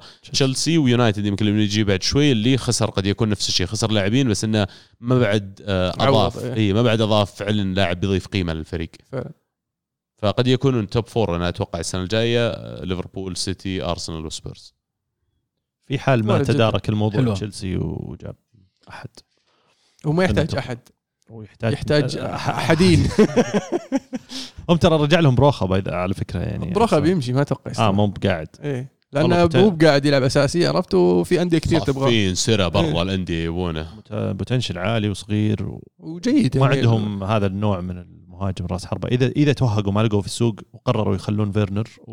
وهذا نظام تشيلسي ترى يبيعون اللاعب اللي اللي, اللي, اللي ما يحتاجونه الحين بس يمكن يحتاجونه الموسم الجاي وبيجيب قيمة إيه وسووها أكثر مرة زا- شو اسمه ذا اللي راح ميلان المدافع. توموري. توموري واللي راح جاي اللي راح كريستال بالاس هذول كلهم ترى ماشيين الصيف اللي راح هم عارفين إنه ثلاث مدافعين تخلص عقودهم في السنة الجاية إيه. صح. بس عارف مو ملعبهم عارف ما يبي ذول يبي طيب. وودهم إعارة طيب انت بت- بت- بيمشون ذولي انت انت مضامن عندهم عندهم زي- اللي زي آه، شو اسمه ذاك زي تنجانجا شو اسمه؟ تشلوبه تشلوبه إيه تشلوبه جيد. ما أستبعد إنهم يجيبون مدافع يبيعون تشلوبه تشيلويل بتوقع تشيلويل جيمس كوليبالي آه، وتياغو سيلفا بيكون خط الدفاع الأساسي. إذا بيلعب واحد زيادة عنده أزبلكويتا لكن الآن أزبلكويتا 50 50 بين يقعد ولا يمشي. برشلونة يقولون يبونه. لكن إيه هذا وضع تشيلسي. طيب مع نقص الدفاع هل تتوقع بيستمر بثلاث مدافعين؟ لأنه يبدو لي في المباريات الودية قاعد يلعب بأربع مدافعين. خسر ضد أرسنال 4-0 يوم لعب كذا تستهبل. بأربع مدافعين. إيه. خسر 4-0 على طول طلع ما فيها واحد اثنين. لأن صرح زعلان بعد. وشوف يا أخي هذا شيء بديت أفهمه الحين. لما ألعب ضد فرق اللي تلعب false nine خطر مرة ألعب أربع مدافعين. لأن أربع مدافعين false nine. رجع هذا رجع deep طلع معاه واحد من قلوب الدفاع توهقت العمق كله ما في قلب دفاع. واحد إي فاهم فمعناته أن ثلاث مدافعين أعتقد لسه راح تبقى خطة popular بين المدربين في المباريات اللي قاعد تلعب ضد فريق يلعب false nine. وفعليا وده إنه يلعب بس ما عنده صدق ما عنده أرقام. يحتاجون مدافع على الأقل زيادة. وكندي راح الحين. فعلا لسه عندهم آه، باو توريس لو تجيب باو توريس يضبط اموره يصير عنده لاعب قلب دفاع يسار لاعب قلب دفاع يمين ولاعب قلب دفاع وسط. وتياغو سيلفا يعني مو بلازم ألعب أساسي كل المباريات اخليه استفيد منه. تقدر تلعب ولا في الدوري باو توريس ولا- أخليه يرتاح شوي. تصير تريحه قبل الشامبيونز ولا كمبيمبي وأنتم إيش سالفتكم؟ طيب اليونايتد رونالدو بيمشي ولا بيقعد؟ رونالدو بيمشي على الأغلب.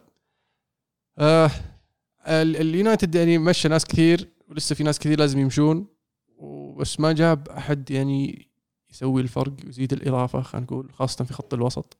اللي اللي أكثر شيء قهرني أنا إن أول صفقة كانت ظهير يسار. يعني إذا بشتي ظهير عندي اليمين أهم. الحين عندي أربع اظهره يسار وثلاثة اظهره يمين. مين هم؟ ليش قاعد تجمع أظهرة؟ ما أدري. عرفت؟ لازم تبيع. طيب يلا بيع حرك. إيش قاعد تحتري؟ تحتري تنزنق طيب بيع الحين. اوفر على نفسك كم قرش؟ يمكن تجيب لك واحد زيادة واحد يمين واحد يسار. يعني الأظهر يمين عندك شو؟ ملاسيا اللي توهم جايين. يسار قصدي أظهر يسار إيه. وتلس وبراندون ويليامز. مين عندك الثاني؟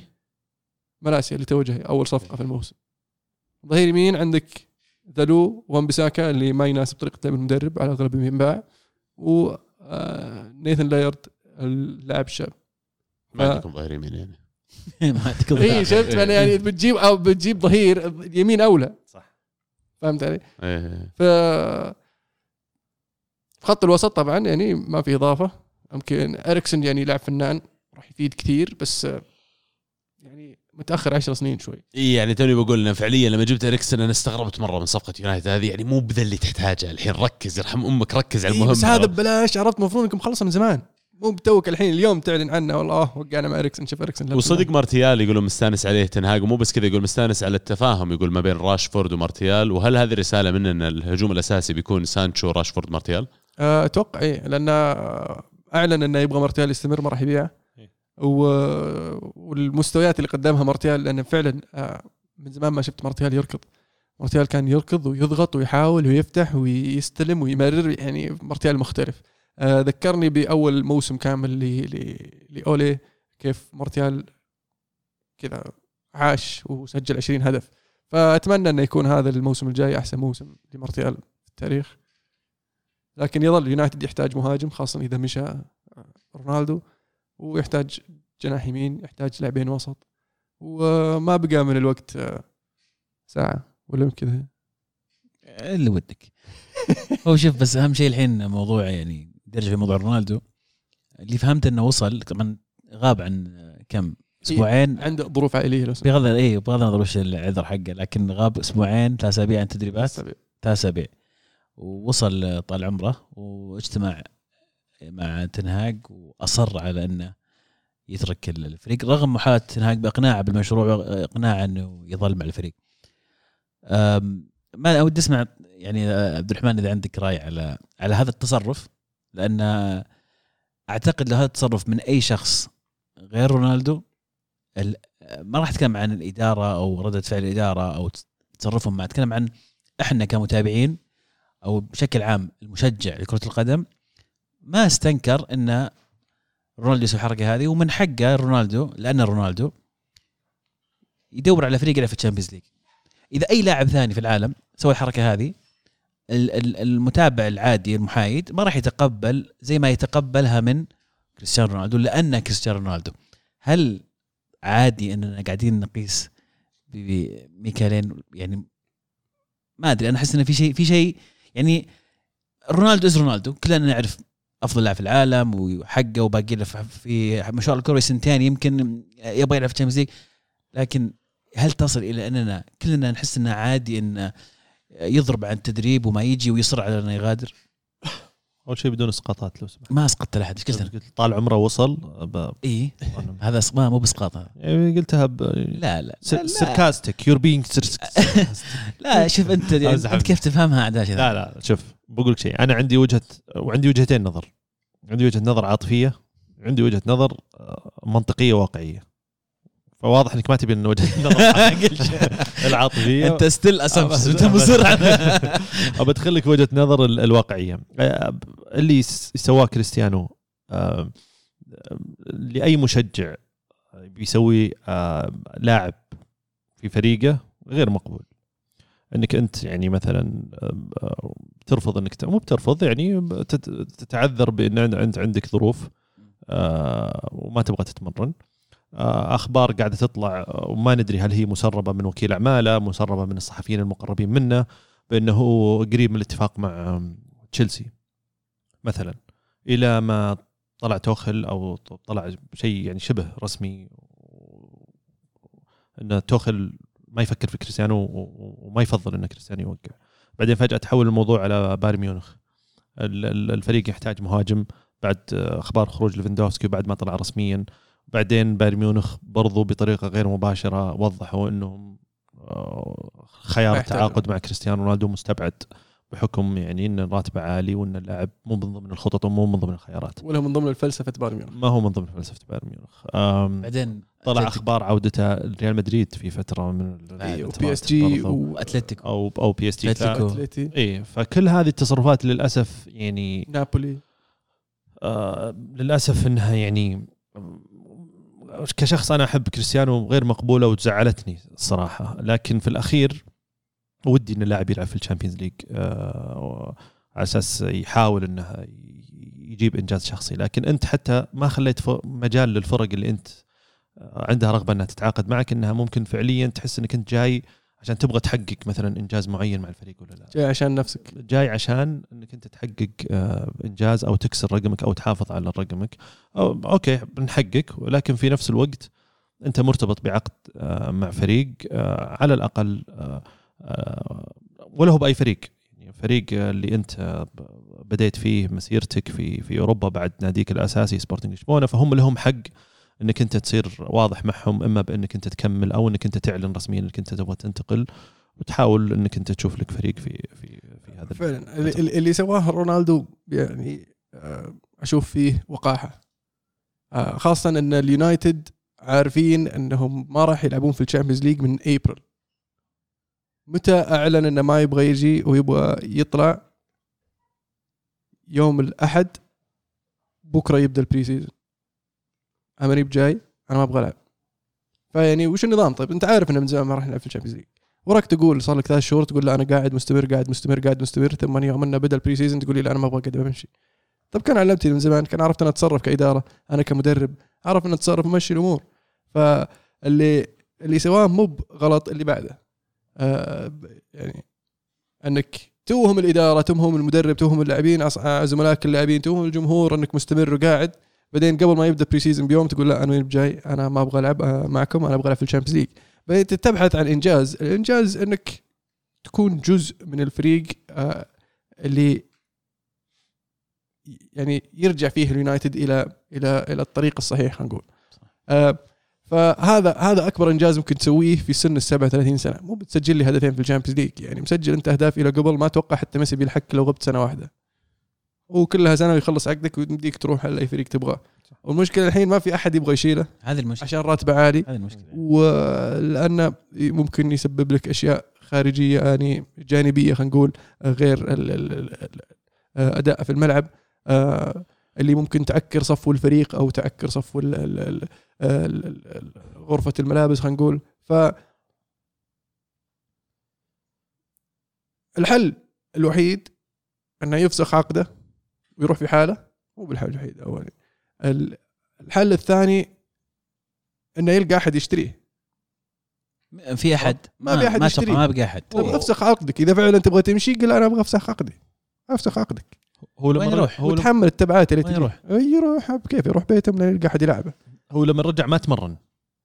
رجع. لا لا وين؟ رجع رجع آه، ما أدري إذا إذا. تمرن في الف- في الفترة الماضية لأن آه، الاثنين آه، رجعوا للتمرين آه، فهو لما جاء أول شيء كان عنده الاجتماعات. بعدين الظاهر آه، راح يقال إنه طلب إنه يخلص الحديث عشان يروح يتمرن بس ما ادري اذا تمرن مع الفريق لأن لو تمرن مع الفريق كان طلعت له صور إنه مع الفريق. يعني حتى خيار اتلتيكو مدريد أنا بالنسبة لي يعني إذا إذا صحت الأخبار وصحت إن سيميوني بدأ يتقبل فكرة إنه ممكن كريستيانو يلعب مع الفريق ما هو بالفريق اللي ممكن يساعدك خلينا نقول في في إنك تحقق هذا الإنجاز. ترى هذه حركة زي حركة آه، سيتي ويونايتد اللي هي؟ يربطون اسمه بالاتلتيكو بعدين في آخر لحظة يدخل مدريد ويرجع بأم، زي ما سووا زي ما سووا مدريد. مدريد في حالة يعني تختلف تماما عن حالة بس ما راح تمشي. آه. اي ما راح تمشي على مدريد. آه، يعني ممكن تصير إذا إذا يعني الخيار كان مطروح وفعلا لما طلع اسم مدريد آه، طلع يعني صحيح ممكن انت عندك يمكن باقي لك ثلاث أربع لعيبه مدريد لازم تخلص منهم. عندك آه، مايورال عندك ماريانو. ماريانو اللي الناس ما تعرفه راتبه عالي وهذا الشيء اللي آه، مصعب آه، خروجه حتى من الموسم اللي راح. الفرق ما هي بقادرة تغطي راتبه وما هو براضي ينزل راتبه. انت ودك برونالدو كمدريدي؟ إي. آه ودك. إيه. وين بتلعبه؟ ما بلعبك آه، مهاجم. جناح مهاجم جناح يمين آه، بنزيما القى له. مكان. يسار محور. والقى له مكان. بس عادي. جابوا لك ال Champions العيال. ما يخالف. بت واحد تنزل واحد من اللي جابوا لك ال Champions أضيف دكه آه، حبة الكرز على ال- ال- أوه الكيكه والله على ترجع حتى 37 يعني آه، إذا اذا بيجيني آه، بدون transfer fees بس آه، رواتب وأنا already تخلصت من آه، جاب مرة كبير حتى مع اسينسيو برضه يمكن ينباع. transfer fees ترى كلها 10 مليون يعني يعني يقولون يمكن هذا هذا هو حتى حتى 20 اتلتي 25 مليون قالوا. حتى اتلتي يقول إذا بيجي من غير ما ندفع له آه، ما ندفع عليه شيء وينزل راتبه كذا ما عندنا مشكلة لا عاد ما قال شيء. كذا لا المو يدرون يطالع. يدرون إنك من حد إنه ما يبي يلعب. معك عرفت؟ هذا الكلام لا. أنا أقدر أقول لك لا صح بس إيه، بتدفع راتبه عرفت؟ عندي بدفع راتب أنا ما عندي مشكلة بينهبل هو والإدارة تبغاه يقعد أسباب تسويقية لو ما لعب ما عندي مشكلة أهم شيء يحط صورته أنا في بقاعده إيه عرفت؟ تيشيرته موجود ويباع. إيه وينباع والناس تشتريه وأحط صورته لا- أجي على كذا زي ما قلت الحل الوحيد هو إنه يفسخ عقده هذه هي. فالإدارة ما تبغى تبيع. أنت تبغى تقعد. وهذا اللي يجي يقول لك بنبي نمشي بنبي نبي ناخذه بس بدون ما ندفع شيء. لا مش ليش ما تدفع شيء؟ باقي في عقده تبي اشتر ادفع لو 10 مليون. أنا ولا. خلها نبي. أو ولا إي ولا أعطيك رونالدو 50 مليون اعطيه جواو فيليكس حل المشكلة. تعطيهم؟ إي والله أعطيهم. جواو فيليكس. والله شكله في الأخير بتلاقي LAFC مع بيل. هذه لا، عباطة عاد هذه أكبر عباطة شفتها في تاريخ يبي حياتي. ال Champions يبي ال Champions هو شكله. ولا تلقاه بيروح يلعب مع فريق كذا شرق بس بقى المهم معليش يعني واهم اللي يظن إن رونالدو بيلعب معه وما عنده Champions League صدق يعني وأعتقد إن جمهور يونايتد وحتى إدارة يونايتد في قرارة نفسهم أول ما انتهى الموسم الماضي عارفين إن ذا الفيلم بيصير ذا الصيف. هذا هو اللي, اللي, اللي, أقول للشباب تو إنه هو عارف إنه ما راح نلعب Champions League من ابريل مع ذلك كان قاعد يقول أنا قاعد أنا مستمر أنا متحمس مع المدرب الجديد. متى أعلن إنه يبغى يمشي؟ قبل بداية ال pre-season ال pre-season يبدأ الاثنين. الأحد. قال أنا يبجع أنا أبغى ألعب في ال Champions League طيب يعني وش الحركات دي؟ وش الحيوانة طيب؟ يعني علمني من بدري. طيب أنا كإدارة عشان أعرف أتصرف. طيب كنت توهمني إنك قاعد. هم هم. طمعوا طمعوا إنه يقعد بس أنا أعتقد مرة ثانية إن المنطقيا المفروض يونايتد على طول عرفوا من أول ما انتهى الموسم. حتى لو قال كذا بقعد وغيره يعمل حساب إن هذا فيه احتمال كبير بيطلع. جاي خلاص ما بقى ال career حقه إلا كم سنة سنتين ثلاثة. ما أعتقد يبي يقضيها مع إنه زي ما قلت success story حلو لو أنت فعلا تشجع إيه، بس يونايتد يا رونالدو في عمر ال 37 يعني بتقعد تلاحق هدفين ثلاثة في ال Champions League ولا بتقعد تبغى تدور مكان تستقر فيه تقعد موسمين ثلاثة أه، تسوي لك تسوي لك legacy زي اللي سواه زلاتان يعني لما راح الميلان قاعد معهم موسم عمره جايهم عمره 38 سنة. و 38 ميلان 39 غير سنة. تحدي وأنا الحين يونايتد. شوف فايز فايز آه، بال- بالدوري معهم حتى لو إنه ما شارك بس وجوده الحالي يكفي. أعتقد أفضل مكان له بايرن. يا أنا كنت أتخيل إنه فعلا بيروح البايرن. ما. أستبعد إنه في ال deadline أنا- دي يجون بايرن ياخذون لا البلد عشانهم خسروا ليفاندوفسكي يعني؟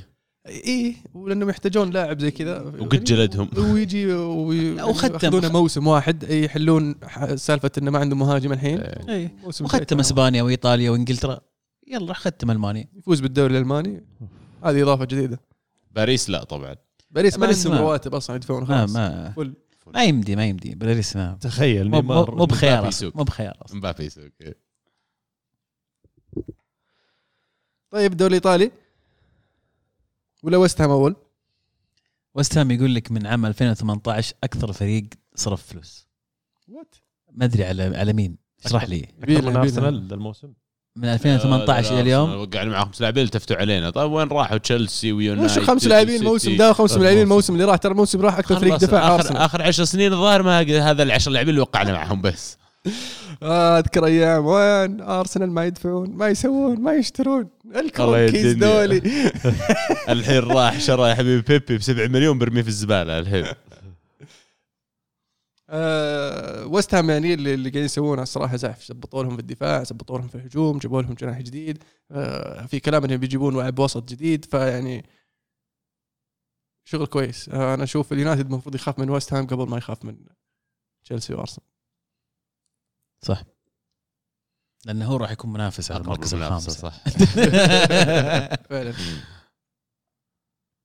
مم. لأن ممكن فعلا مين يطلع مين جابوا غير. سكاماكا؟ لهم موسمين قاعدين يشتغلون صح صراحة. آه، جابوا مدافع آه، مغربي. نايف أكرد. آه، جابوا في لاعب جناح في سوانزي هذا فلين داونز هو ما أدري فلين داونز ما في لاعب جابوا فلاسيتش الظاهر الشتويه الماضية. بون الموسم الماضي الصراحه استهبل وأتوقع بيكون عنصر أساسي عندهم. انطونيو ما زال يقدر يعطي. قاعد احاول أتذكر من هو الجناح اللي جابوه. فلاسيتش. لا فلاسيتش هذا عندهم. لا لا في الحين في الصيف. ما أدري صراحة بس انه فريقهم ترى فعليا يعني أنا أشعر إنه على نفس ال level مع الموسم الماضي لما تأخذ بالحسبان إن الأندية الثانية كيف تطورت.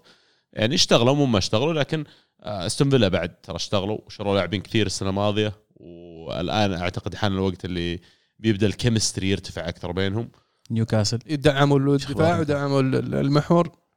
جابوا شو اسمه واحد غالي مرة برازيلي ديجو كارلوس. كارلوس. أم، ونفس الشيء نيوكاسل. نيوكاسل جابوا بوب. بوتمن. بوتمان أم، أه، لسه الظاهر في السوق ما خلص سوقهم بعد. لسه في أيوة. لاعبين كثير مرتبطين فيهم. باقي لاعب وسط ومهاجم واحتمال جناح. وشروا تارجت الظاهر بشكل دائم. حلوين. حلو. طيب الدوري الإيطالي. شو عندك في ايطاليا؟ ايطالي يقولون بوجبا Pogback يا حبيبي Pogback Pogback وكذا back back back. جاء جاء جاء ظروف مساكين. يعني ما اللي متفاجئ من إصابة بوجبا ما ما تابع بوجبا خلال هو ما بدأ. الموسم. ما خ... ما له دخل. بوجبا له. واسال اسأل مشجع يونايتد يقول لك بوجبا كم غاب السنة الماضية؟ من مسبه إصابات؟ لاعب واضح إنه السنة الماضية واللي قبلها بعد مو بس الماضية. كم غاب بس مع. اليونايتد ما يبغى يلعب أكثر ما هو اي مصاب. إيه، مي بكلها اصابات ترى مع يونايتد فعليا. إصابات وهمية. اي وبعدين الإصابة ذي عادة تجي من إجهاد من لعب مباريات كثيرة؟ كنا كان محتفل مرة في الصيف قبل. وش. فلوب من البداية كذا كم مدتها الاصابه أنا سمعت شهور بس شهور كذا. ثلاثة شهور. يقولون إيه. ظروف من شهرين لثلاثة شهور تحتاج عملية غالبا. الحين تو ترك المعسكر في أمريكا رجع إيطاليا وبيشوف آه، طبيب. توقع ثلاث شهور يمكن أربع شهور بعد. يعني على حسب. والله hard luck عزيز. يعني أصلا العودة إلى بوجبا أنا بالنسبة لي كانت خيار غريب جدا يعني. ما ما كنت أفضل إنك ترجع للاعب. آخر خمس سنين كلها اللي كانت مع أو أربع كم مع ست سنين صح؟ ما ما كان هذاك اللاعب اللي اللي كان موجود عندك. فأنت قاعد ترجع اللاعب عشان كان كويس فترة من الفترات معاك وعشان بلاش. آه، بالإضافة إلى الإصابات اللي, اللي معروف فيها اللاعب. قد يكون إضافة كويسة للفريق صح؟ لكن كنت أفضل لو توجهوا إلى لاعب آخر مثلا زي بنيكوفيتش سافيتش لاعب يعني متميز جدا في الدوري الإيطالي ويلعب عندك و وقاعد يتحسن بشكل تصاعدي ما عنده التذبذب اللي شاف اللي شفناه مع بوجبا. دام بدينا في في اليوفي مكمل على خيار دي ماريا خيار جيد لكن أيضا حل قصير الأمد. آه، لاعب أصلا موقع لمدة موسم واحد. ولاعب كبير مو بصغير صح إن إضافته مميزة وباين يلعب بالخبرة بس نفس الشيء ما أعتقد إنك أنت الآن في فترة إنك تدور لاعب اللي ينقذك موسم واحد. أنت قاعد تحتاج تبني فريق. أنت لك سنتين بعيد عن الدوري تماما المركز الرابع. أليجري أرى رؤوسا اينعت وقد حان قطافه طيب انت جايب يعني واحد الدوري جايب ترى واحد. الدوري فايز فيه الميلان تقنعني اليوفي مع أليجري ما يقدر يفوز فيه. اذا دمريه موسم واحد بيعطيك ال- ال- ال- ال push هذه الدفعة إنك ت- تروح تتعدى المركز الرابع والمركز الأول أتوقع يعني worth أنا ما. زلت أرى إن إنتر ترى أقوى من ميلان واللي صار الموسم الماضي يعني أعتقد لو تعيد الموسم الماضي. ما راح يتكرر. شطحة. آه إنتر أقوى من من الميلان هو المرشح الأول أيضا السنة هذه أعتقد. آم، عزيز أنا عندي تحفظ على استراتيجية اليوفي أصلا في بناء الفريق مو بسنة سنتين هذه خلال خمس ست سنوات الماضية أصلا من طلع من طلعت- من طلعت بوجبا، من مرتب. طلع- مروتا. فعلا من طلعت مروتا والفريق قاعدين يدورون أحس يدورون في نفس دوامة اللاعبين نفسهم يروح يدور واحد big name big name مو على level superstar لكن يدور عرفت ماتويدي رمزي آه رابيو آه دي ماريا الحين آه بلاش. يعني ما أدري بس البروفايل حق اللاعبين ما أشعر أن اليوفي قاعد يحاول يبني آه، dynasty فعلا زي ما مثلا لما مدريد يجي يبني ولا لما بايرن يجي يبني أم، إلى حد ما ال gamble حق رونالدو اللي من 2018 تقريبا ما زبط معهم ومن بعدها حسيت إن خبصت أمورهم كلها. مو بعارفين يرجعون لل drawing board ومع ان خلال الموسمين الماضيين يوم كانوا يوفي بعيدين عن الدوري كانت فرصة ممتازة. أنت already عارف. إنك خلال الموسمين بتبقى بعيد يعني خلاص أنا أروح أبدأ أبني لي فريق صغار. ابني لي فريق يعني قادر إنه خلال ال- الخمس ست سنوات القادمة هذا ال core الجديد حقي. وفي المقابل وش تروح تسوي؟ تفك لاعبين زي بنتانكور زي كولوسيفسكي اللي بالنسبة لي قد يكون أفيد يا أخي من إني أحتفظ ببعض اللاعبين اللي موجودين يعني. وديليخت. اللي انت اللي انت اللي أنت جايبه أنت جايبه على أساس إن هذا اللي ما خسرت فيه. اللي بيصير إيه ما خسرت فيه لكن أنت جايبه على إنه هو اللي بيصير قائد الدفاع الجديد للفريق. آه أنت تكلمت عبد الله عن يمكن ترى ثلاث فترات في الست سنوات هذه يمكن ثلاث فترات اللي كانوا آه أو ثلاث إدارات مختلفة مسكت الفريق. في البداية كان مستمرين على نهج ماروتا واللي كان ماشي فيه اللي لاعبين آه بلاش ونوع معين من اللعيبة. بعدين بعد خروج ماروتا حاول آه براتيتش إنه يمشي على نفس ال- الآلية لكن فشل بشكل إنه صار يجيب لعيبة زي ما قلت لعيبه رواتب عالية تدفع رواتب عالية ولا تعطيك ال- المردود المتوقع منهم لا أنت اللي بنيت ولا أنت اللي عززت ولا سويت ما استفدت ولا شيء. الآن مرحلة جديدة. التركيز الأول تخفيض الرواتب. عندك فاتورة الرواتب حقت اللعيبة عالية جدا. وأول شيء صار من الإدارة هذه إنها بدأت تنظف أعلى لعيبة عندهم رواتب. شفنا طلعت رونالدو مباشرة. ما كان في أي صعوبة في في خروجه. آه على طول آه أسماء زي آه، رمزي ألغوا عقده. إلغاء عقد حتى مو بيع إلغاء عقد لأنه راتبه عالي. ديليخت من الأشياء اللي سهلت جدا خروجه راتبه عالي جدا.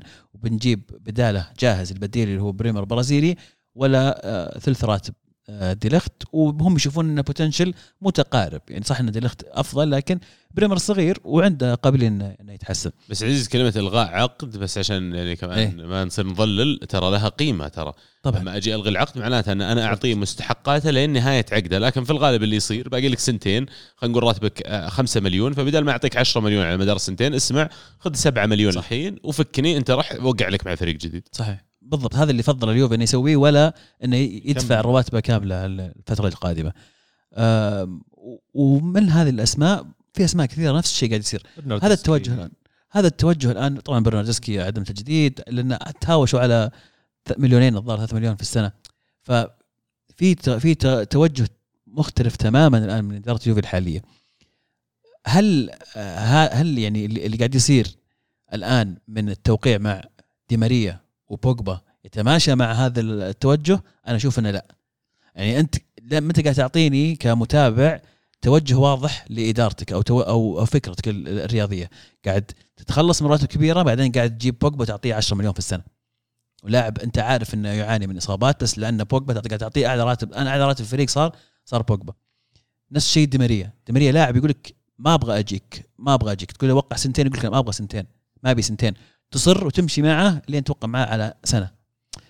ففي في تضارب في, ال... في ال... لكن الواضح إن هدفهم الأساسي نتخلص من جزء من ال- ال- ال- الفات اللي موجود في الفريق. بنتنكور باعوه ولا عاروا؟ بيع. بيع. بكم؟ إعارة مع إلزامية آه، كم؟ شراء آم، 40 كولوسوفسكي طيب. نفس الشيء 40 طيب وديبالا هو الوحيد اللي طلع ببلاش. ديبالا ببلاش. برناردسكي ببلاش. يعني أنا كنت اللي بس بنظر لأن ال lost value في لاعبين زي برناردسكي وديبالا يعني بس أتخيل لو قبل سنتين يوفي استوعب إنه بيسوي هذا الشيء في سنة 2022 وجاء قال you جاييني أندية البريمير ليج ذاك الصيف. أنا أتذكر سبيرز وارسنال وغيره والعالم كانوا مستعدين يدفعون 70 و80 و100 مليون في اللاعب. حرام إن هال value أنا ما أخذته ورحت حطيته في الفريق مرة ثانية. فهنا اللي يصير في تضارب أنا بالنسبة لي في استراتيجية الفريق. أفضل ان أخلي عقودهم تنتهي من إني أحصل على مبلغ مادي لأن أنا واضحة عندي رؤية وفيجن البناء. بس ترى ترى الإدارة جديدة. يعني جت أول ملف جت واجهته ملف ديبالا وأول ما صار الموضوع انه لا أبغى وأبغى راتب سبعه لا ثمانية مليون على طول سحبوا العرض. واضطر ديبالا الآن إنه يقبل براتب ضعيف جدا. يعني ما كان كان يعني كان هو قاعد يفاوض على شيء والمقدم من يوفي أعلى من اللي قبل الآن مع مع مع روما. فالإدارة جديدة وما عندها نظام اللي ما راح نتردد في أي لاعب. إذا ما نحس إنك تستاهل هذا الراتب أو الراتب عالي مباشرة نفضل إن ما نجدد عقدك على إن نجدد بعدين نحاول نبيعك. فهي قاعد تحاول يعني تصلح بعض الأخطاء السابقة. الآن آرثر هو الهدف الرئيسي يتخلصون منه بأي طريقة ممكنة. لأن ارسنال اللي يبونه. ارسنال الآن فالنسيا دخل على الخط. فالنسيا مقدم آه، طلب إعارة مع إن يوفي يتح- يتحمل جزء من الراتب. وأتوقع ان يقبلون اليوفي لأن مستعدين يخلصون من سلم الرواتب اللي عندهم متعب ومزعج جدا للإدارة. فزي ما قلت ال ال ال اليوفي هدف الرئيسي الآن. تخفيض الرواتب لكن في نفس الوقت ماني قاعد أشوف التجهيز لبناء أو إعادة بناء الفريق. يحتاج okay دي ماريا إضافة ممتازة لكن كنت مثلا أنا تفضل لاعب آه، فرانكفورت آه، آه، كوستيتش الجناح. لاعب أصغر له مستقبل آه، أرخص يتماشى مع الفكر أنت اللي رايح له. بدل ما يجيك دي ماريا ويقول لك لا سنة واحدة بس. طيب وبعدين؟ لعب سنة وبعد السنة. تروح تجيب كوستش بعدين ليش؟ اجيبه الآن. طيب من الآن خلاص. براتب أقل. حدد هدفك من البداية إيه، واعطيه خلي- فرصة أو أعطيه يعني. أنا ضد إذا أنت عند أنت مدرك إنك قاعد تخلص المركز الرابع سنتين ورا بعض مدرك إنك تحتاج تغيير تحتاج تنظيف. اشتغل. دي ماريا بيفوز الدوري؟ طب هذا سؤال ثاني. إذا هو ينظر إنه اي عشان كذا جاب دي ماريا. لأنه ينظر إن يعني- دي ماريا بيكون هو اللاعب اللي بيجيب لك الدوري. ما أدري إذا دي ماريا هو ال- ال- الفرق اللي راح يعني يخلي هو أكيد زي ما قلت اضافته ممتازة دي ماريا لكنه حل مؤقت جدا. الإيطالي حق فيورنتينا شو اسمه اللي عندكم اعاره كيزا باقي له يمكن ثلاث أربع شهور عشان يرجع. عشان يرجع من إصابة. إيه. وباقي له في عقد الإعارة سنة زيادة. لا خلاص دفعوه. دفعوه. دفعوه. لا، الحين بيرجعون موراتا سمعت عليه موراتا قاعدين يحاولون يرجعونه بس أتلتيكو يبون يعني ما تخلص القصة ذي موراتا يوفي يوفي موراتا آه أليجري الآن يبي مهاجم. الأسماء المطروحة موراتا آه فيرنر وفيرمينيو رونالدو طيب. غير مطروح اسمه. اطرحها طيب يمكن يعني. ما أقول لك قاعد أقول لك الحين لي خمس دقائق اسولف لك عن الرواتب وما. الرواتب و... مويسكين ذا ما يشوفه شيء اليجري واضح. إيه مع إنه مسجل هدفين قدام برشلونة. إيه. بس آه، أقوى اسم حاليا آه، فيرمينيو. آه أقوى من فيرنر. أقوى من فيرنر yes. والله فيرمينو إضافة الصراحة بتكون interesting لأنه بيعطيكم شيء مو موجود عندكم في الفريق اليوم. إيه. وعنده خلينا نقول الحماس إنه يبغى يرجع يثبت نفسه. له سنة أو سنتين ال load اللي عليه مو هو بعالي. فمعناته المفروض على الأقل إنه ما تصير إصاباته واجد. وفعلا بيكون خيار interesting الصراحة بالنسبة ليوفي. بس مرة ثانية ترجع في دوامة تروح جبت لك واحد عمره 32 سنة. طيب أنت تحتاج فريق الحين على مدى خمس سنوات جديدة من عندك. يبي لكم يعني- والله نجيب لكم اللي عندنا ترى والله بنوا لنا فريق مرتب على الأقل يعني. شوف ال ال الإدارة الحاليه طيب. ركزوا بزران عرفت طلعوا من ال academy سميث رو طل جابوا مارتينيلي جابوا الحين البرازيلي ماركينيوس جايبين لك زينشنكو جابرييل. صح في فرق في الإمكانيات المادية بس يعني أتخيل يوفي لو بغى جابرييل جيسوس كان ممكن انه خيار يكون متاح. صح. وهذا فعليا مرة ثانية صح هذا اسم. ليش تروح فيرمينو إذا أنت تقدر تجيب جابرييل جيسوس؟ لأنك أنت هم أعتقد المهاجم اللي يبونه ما يبون واحد أساسي. لأن فلاهوفيتش راح يكون أساسي. كيزا راح يرجع. فهم يبون واحد آه، مداورة بينه وبين فلاهوفيتش أو يلعب معه الين يرجع كيزا. في أسماء صغيرة الآن قاعد أشوف في قاعد يعني تظهر بشكل جميل جدا ومبدعة مرة في ال- في ال- في الصيف. لكن أعتقد زي العادة اليوفي بيصرفهم إعارة وبيستمرون في دوامة الإعارة. وهذا الشيء اللي اللي مزعج جدا لمتابعين اليوفي. دائما اللعيبة الصغار بدل ما يعطونهم فرصة ويلعبون في اليوفي تلقاهم معارين إلى أندية ثانية مرة سنة ورا سنة ورا سنة إلين اللاعب ما عاد خلاص ما عاد يتطور يبيعونه بمبلغ سخيف يعني. ف إلى الآن ال ال ال الوضع ضبابي غير واضح بالنسبة لليوفي لكن هذه انتقالات بريمر ودي ماريا وبوجبا هذه أهم ميلينكوفيتش طيب مدافع فيورنتينا يكون أحد الخيارات. صحيح. راح يكون إضافة جدا رائعة صراحة أتمنى والله لأنه أنت أنا معتمد على بنوتشي وبريمر كقلوب دفاع.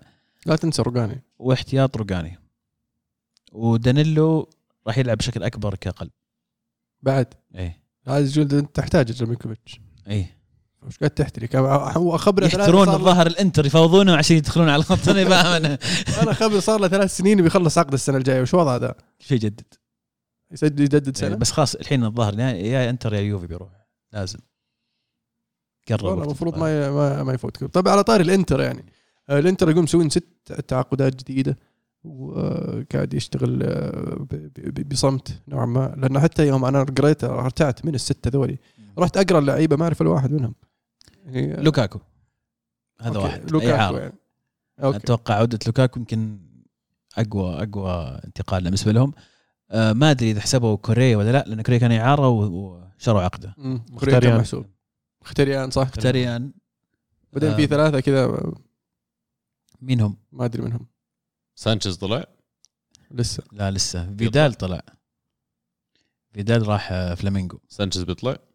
إي ما يبون. هم خلاص مخلصين على الثلاثة الهجوم عندهم لوتارو لوكاكو كوريا. وكوريا ومن الرابع؟ دزيكو ما حزم ما زال موجود؟ ودزيكو والله بشكة صار عندهم. بس والله يا عيال الكسيس ترى خيار ممتاز دوري السعودي. والله يجي. ممتاز. والله معروض يجي. أصلا. ونانا، مو صح. معروض يعني في ونانا. في كلام كثير النص. ونانا حارس صح. جابوا أونانا. صح. يجي والله. أونانا خيار ممتاز وجددوا ال- سمير. هندام شيء. جددوا له لكن أونانا الآن أتوقع بيبدأ المفروض إنه يصير أساسي. أم، فيعني الخيارات اللي عند إنتر يعني فريقهم مو بسهل قوي يعني مستعد إنه ينافس. خلاص عودة لوكاكو لحالها تكفيه إنه يعوض ال- ال- النقطة أو النقطتين اللي ضيعها الموسم اللي راح وخسرت الدوري. وكنسلوا يبيعون قلب دفاعهم شو اسمه؟ سكرينيار. سكرينيار. سكرينيار لأنهم اي كانوا راح عليهم بريمر. اي كانوا يحاولون في بريمر. مين كان يبغى سكرينيار؟ بي إس جي. بي إس جي. بي إس جي. جي أوكي والله فلوس. تشيلسي بس على خفيف. تقول لي؟ تقول لي full PSG. رواتب full. وشلون بيشتري سكرينيار؟ سكرينيار مو ماخذ 100000 أسبوع. okay. مرة ما يعني ناخذ 100000 بيكون مبسوط. وفي بيع أتوقع لسه فيه. في كلام ولسه على بيبيعون يعني. على لازم يبيعون. إدريسا جانا هذا دراكسلر يقول نيوكاسل يبغاه. دراكسلر. دي ماريا طلع. ولسه في كم كم واحد إريرا وما إريرا والبشكه ذولي موجودين فينالدوم على برضو الرسم. يقولون روما يبيه. فينالدوم. وفروح روما شيء كويس. والله مورينيو شغال. والله روما إيه. والله روما مورينيو effect والله هذا أثر مورينيو. الله يستر منهم ذول الحين يفوزون بال Europa League يخلونا ننقع سنة ثانية بغير ال Champions. حلو إنك يعني حاط الأمل كبير إنك بتفوز اي يعني top four أنا أنا زين انتهينا top 6 بالنسبة لليونايتد. يعني. اي أنا حاليا أشوف إن ويست هام تعدوا اليونايتد يعني كان ترى فرق بيننا نقطتين الظاهر. فالحين مع الصفقات الجديدة أتوقع يعني ويست هام صار عنده خيارات أفضل نحطها بطريقة ثانية تبدل ال squad حقك ب squad ويست هام لا مو ببدل ال squad حقي ويست هام بس ال- ال- ال 11 اللي عند ويست هام أضافوا عليهم العناصر اللي يحتاجونهم أساس يطورون الفريق لدرجة إنهم يقدرون يكسرون الحاجز هذا اللي كان بينهم وبين اليونايتد. اليونايتد الأضافة اللي أضافها يونايتد ما أضافت شيء لل 11 إلا يمكن مارتينيز بس إذا مارتينيز بيلعب وماجواير جنبه أنا ما استفدت شيء. نوعا ما يعني. فيسوم إنك ما ترى ما راح تقبل بالبدل لأن عندك ناس زي سانشو راشفورد وناس زي كذا لهم قيمة يعني هي لعيبة اليونايتد آه، فنانين أكثر منهم إيه. عرفت بس إنه يبي لهم واحد زي تنهاج الحين علمهم شلون يلعبون بطريقة الله يستفيدون يصير. زي ذاك فان خال ثاني بس نشوف لا لا ف- بن خال جاي جاي في في نهاية مسيرته وفلسفته شوي تختلف إيه، تعزيزات روما ترى يعني خفيفة لكنها مميزة. إي. ديبالا إضافة راح تكون مع تامي أبراهام في الخط الأمام.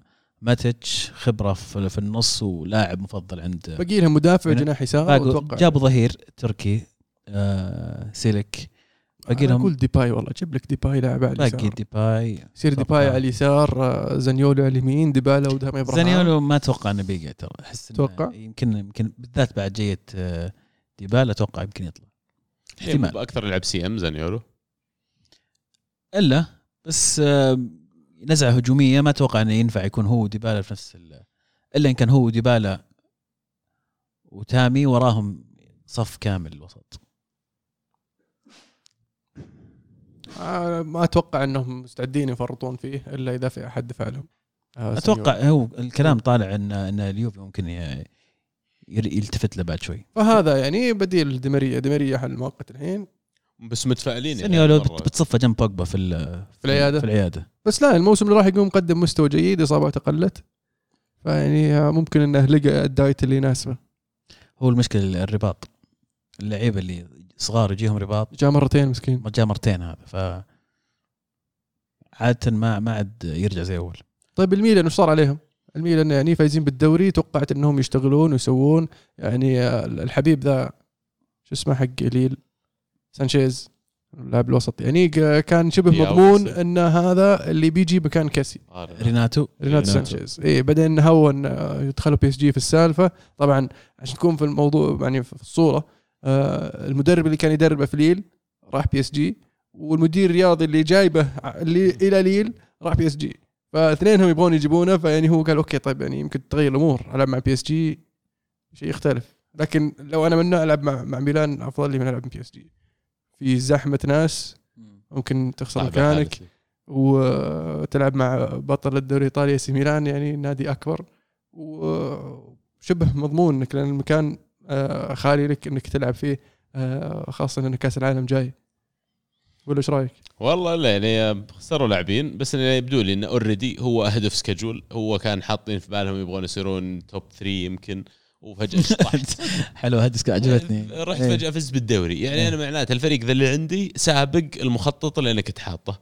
اي نوت إذا هي موضوع كذا نرجع على الفلوس شوي ونقول إن الفريق هذا كافي إنه okay لا يجيب الدوري مرة ثانية السنة الماضية السنة الجاية بس إذا. أقدر أخليه يجيب top four ما هو ممتاز اي بس المنافسة تختلف الموسم الجاي لأن طيب جابوا جابوا اوريجي يعني ما, ما سوى. الفرق الكافي أنت عندك مشكلة في الوسط الحين يجيك يعني okay عندك بن ناصر و- والحبيب تونالي بس بن ناصر بيخلص عقده والحين قاعد تلف وتدور تبغى تجدد عقده.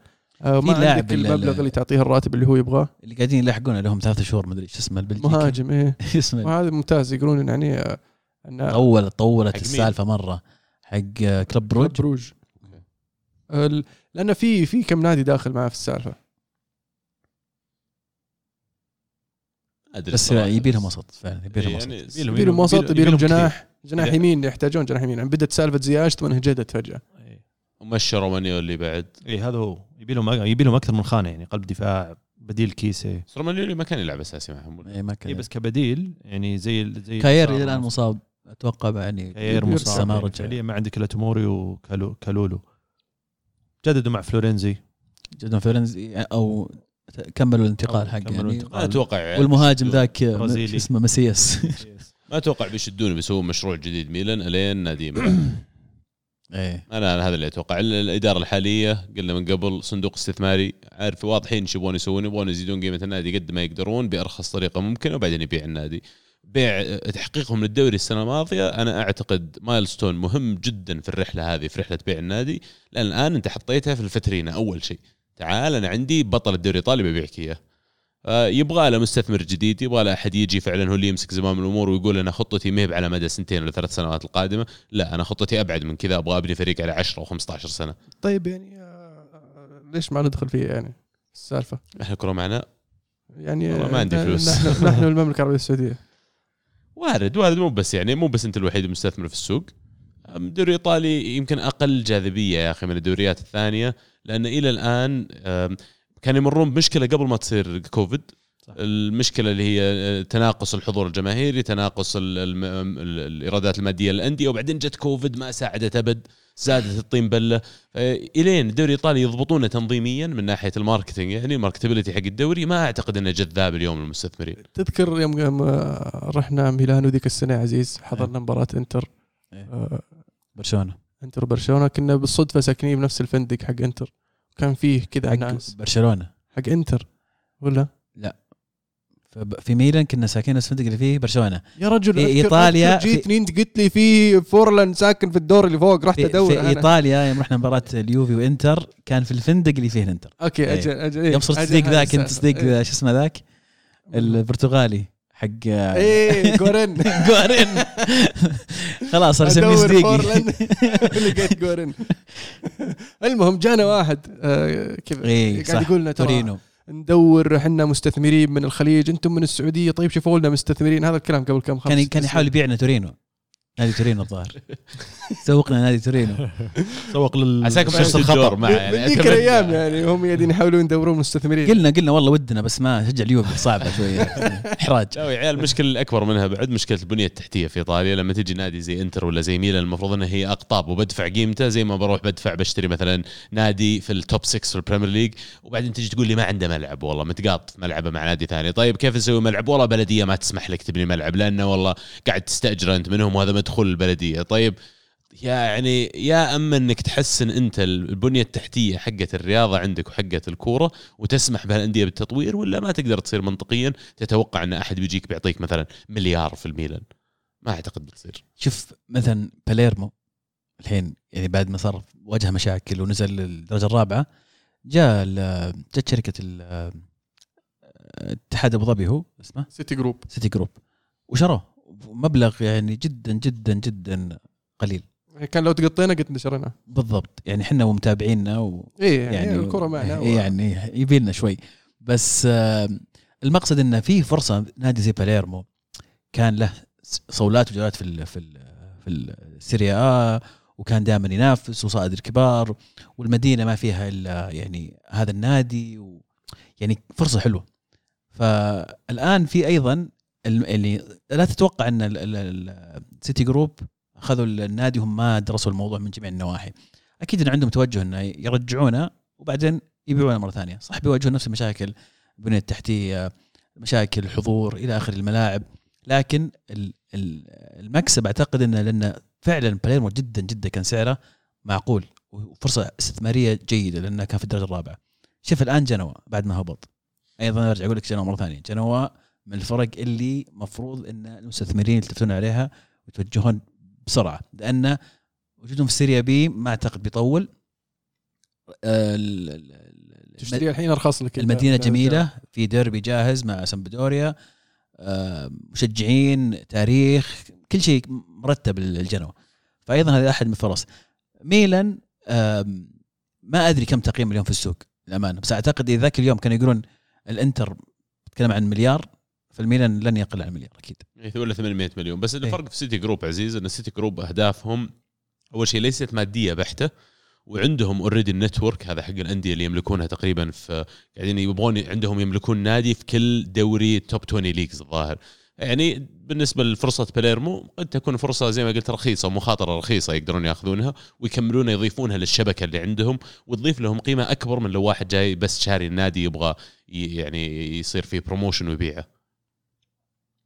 عندهم آه، نادي في الهند ونادي في استراليا أمريكا. وامريكا الأوروغواي عندهم واحد اليابان عندهم واحد. آه. الحين في إيطاليا. وإنجلند طبعا. ما في ما في أندية ثانية في أوروبا غير باليرمو والسيتي ما أدري والله. لا أعتقد فيه بس إنه في هولندي ما أدري بلجيكي. متأكد منها بعد شوي. الحين يطلع لك إياها. أبو داحم. طيب نرجع لنابولي أجل. نابولي نابولي بصراحة خسر خسارة كبيرة اللي هي بخروج كوليبالي. آه يعني مقتنعين هم بالمدافع اللي جابوه كيم بس ما أدري إيش وضعه. لا أتوقع كوليبالي يعني خلاص يعني حان الوقت. الطرفين اقتنعوا إنه حان الوقت. اي لأنه باقي له سنة في عقده واني إذا بتدخل منه شيء الحين لازم تبيعه. فرنسا عندهم عزيز. وفي فرنسا. إسبانيا. اي وفي اي بلجيكا صح جيرونا. جيرونا اي إسبانيا. آه. ولومل في في بلجيكا وتروي في فرنسا. توا. توا. ومونتفيدو هذا حق أوروغواي. تدرون في نادي في باريس اسمه باريس FC؟ ملاكه من البحرين. أنا أعرف إنه كان باريس هو الوحيد في باريس بس في بس في الدرجة اللي ما أدري كم. ممكن عبد الرحمن بعد يأكد المعلومة. الحين تو الديربي مع PSG ها؟ مشوارهم طويل.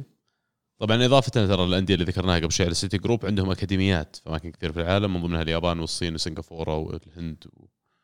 يعني شغالين ويضيف. مشروع كبير حتى يعني. في أتوقع عندهم نظام ثاني يعني في نادي مكتوب عليه آه، بعد اسم النادي جنبه مكتوب partner club أتوقع إنهم يعني يمكن شارين في- إيه 50% من أسهمه ولا نسبة معينة. أو يمكن مو ب- يمكن بس شراكة لأن في أندية تصير زي ال partners أو يسمونها sister clubs وكذا فيمكن في علاقة. زي تشيلسي وفيتاسي الهولندي. كل لعيباتهم يروحون اعارات. من بينهم ماونت كان.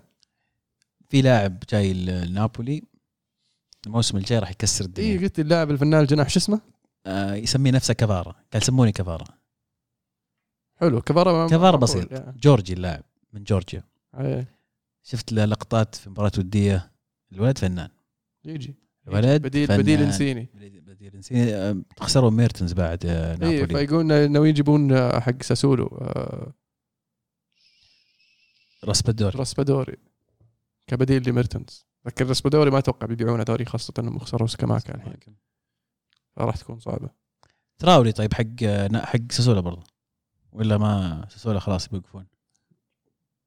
تراوري يلعب كويس. مهاجم؟ اي جناح. إيه. هذه المشكلة انهم ما يبغوا يصيرون مهاجمين يعني. لاعبين هجوميين. بس يعني نابولي يمكن يمكن يكون يعني نوعا ما في في في في مكان آه، آمن في ال top four خلينا نقول نوعا ما لكن ليس مضمون. أنا ما أشوف نا- نابولي بالوضع الحالي راح يكون من ال top four أعتقد إن روما راح يدرعم. أتوقع إنك راح تتفاجئ الموسم الجاي روما راح يسوي قروشة لكن لما بدأ ال Europa League وكذا مورينيو بي اي يلف بيركز. صح صح صح اللي بيركز بالنسبة له- إني أفوز دوري أفوز بطولة وأتأهل Champions League أحسن لي من أتأهل top four وخلاص صح. يعني فممكن إذا استمر في البطولة راح يحاول إنه يضحي في, في, في ال top four عشان يضمن البطولة وهذا اللي سواه ترى الموسم اللي راح مع صح. شو اسمها Conference League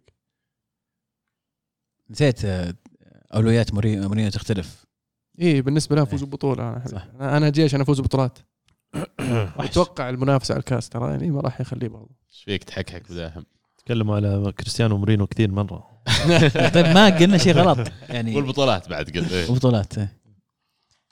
لا بس يعني عشان نعطي. مورينيو حق مورينيو حقه أثر مورينيو واضح في الملعب وبرا الملعب على المدينة كلها أثره واضح يعني جايب شيء إيجابي حاليا. إلى الآن إيجابي. إحنا في عندنا بطل وبصل في الحلقة دي ولا ما إي في؟ والله توني بسأل. فيه ليش لا؟ نسوي عشان ما بطل. أخرب البطل من الحين. البطل مش يكون على الأسبوع يعني ولا على فترة البطل لا، فتره. الانتقالات الماضية. عطنا طب وش البطل حقك؟ أوه، سوينا سك... اعطوه خلاص. آه، بجيك بجيك أفاجئك. فيورنتينا فيورنتينا مسوين شغل كويس. وكان في كلام إنهم آه، فعلا يبغون يدعمون بخط الوسط بلو سيلسو لكن منافسة قوية من آه، فيا ريال ف فيورنتينا إذا فعلا آه، قدروا يحافظون على بعض اللاعبين ومع التدعيمات الجديدة فممكن نشوف فيورنتينا يعني منافس يكون أصعب من الموسم الماضي فراح يسوي مشاكل في تحديد من راح يكون في ال top four آه، راح يكون قريب آه، من المراكز المؤهله لل Champions League عفوا لل Europa League لاوروبا بشكل عام يعني Conference League حتى في السالفة ما بعد باعوهم صح؟ لعيبة يعني إيه. فيورنتينا ما يعني يعني بس- ال center حقهم المدافع اللي فيه. مينكوفيتش لا نعم، لسه ميلينكوفيتش- ميلينكوفيتش هو ولا اي ميلينكوفيتش. لا ما صار شيء بس ولاتسيو بدأوا يجددون مع ساري الحين. آه كان عندهم مشاكل في الدفاع. آه نظفوا شوي من الدفاعين مدافعين وبدأ يجيب مدافعين جداد وقاعد يمشي لعيبة. فيعني قاعد ساري شوي شوي شوي يخلي آه لاتسيو شوي يقترب من الساري ball. فيعني ممكن الموسم هذا نشوف لاتسيو بشكل آه يعني من من ناحية طريقة لعب بشكل سلس أكبر ويعتمد على يعني التدعيمات الإضافية اللي يمكن يحتاجونها وش وش ممكن يضيفون للفريق والإضافات الجديدة اللي جت كيف ممكن يتاقلمون مع الفريق. فيورنتينا جابوا يوفيتش. اي جابوا يوفيتش. جابوا يوفيتش صح. يوفيتش يوفيتش بيكسر الدنيا. جابوا يوفيتش آه، أول مباراة له سجل أربع سجل أهداف. سوبر إيه، هاتريك. صح. هذه إضافة. ممتازة. وجابوا لاعب اسمه دودو من شختار. أوه ممتاز دودو. آه، وكان عندهم طبعا إعارة من آه، اليوفي من دراجورا وثبتوا شروه يعني. وجوليني حارس اللي راح توتنهام إعارة. حارس أتلانتا جاي من أتلانتا. هذا انتقالات من فيورنتينا ناقصهم ناقصهم اودروزيولا مناسب. لا يا حبيبي. يحتاجون ظهير يمين هم. ما يحتاجون ظهير يمين. إلا والله. لا. إلا إلا إلا إلا. ظهير الطائر. هذا دولار بي يرجع للريال ويثبت مكانه في الفريق. يا حبيبي كرفخال إصابات كثير كنت تلعب كفاسكيزي إلى متى؟ ما لعب فاسكس ما يخالف ولا لعب تحسن ترى مع خبرته في السير آه جاك. أنا ما أثق في أي لاعب ينطنط. ما شلون ينطنط؟ ينطنط. كنا ذا ما يعرف يركض. ما طبعا آه، لاتسيو اضافوا رومانيولي. جابوا لاعب من آه، من غرناطة ما أعرف منه صراحة. من هو المهاجم؟ ما أدري وش يلعب. ماكسيميانو. آه اورجواني اورجواني آه، إذا كان هو فهو ممتاز. لا. برتغالي. عموما جابوا واحد شكله هذا بيصير. دافعين فيه 10 مليون. هذا هذا قنبلة الموسم دام جاي من الإسباني. غرناطه بيمشون آه، شو اسمه آه، شو اسمه لاعب الوسط الأسباني حقهم. منهم؟ آه شو اسمه آه ريكي؟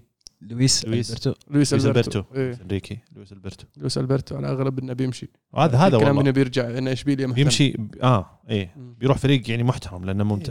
لاعب ممتاز. يعني نفسيته أخلاقه سيئة بس إنه كلاعب لا لاعب فنان وكان جدا مفيد بالنسبة لهم لكن إيه. أتوقع يعني الطريقة اللي يبغى يلعب فيها آه، ساري ممكن تحتاج لاعب مختلف. الدوري طيب مين بيفوز فيه ذا؟ ما أدري والله.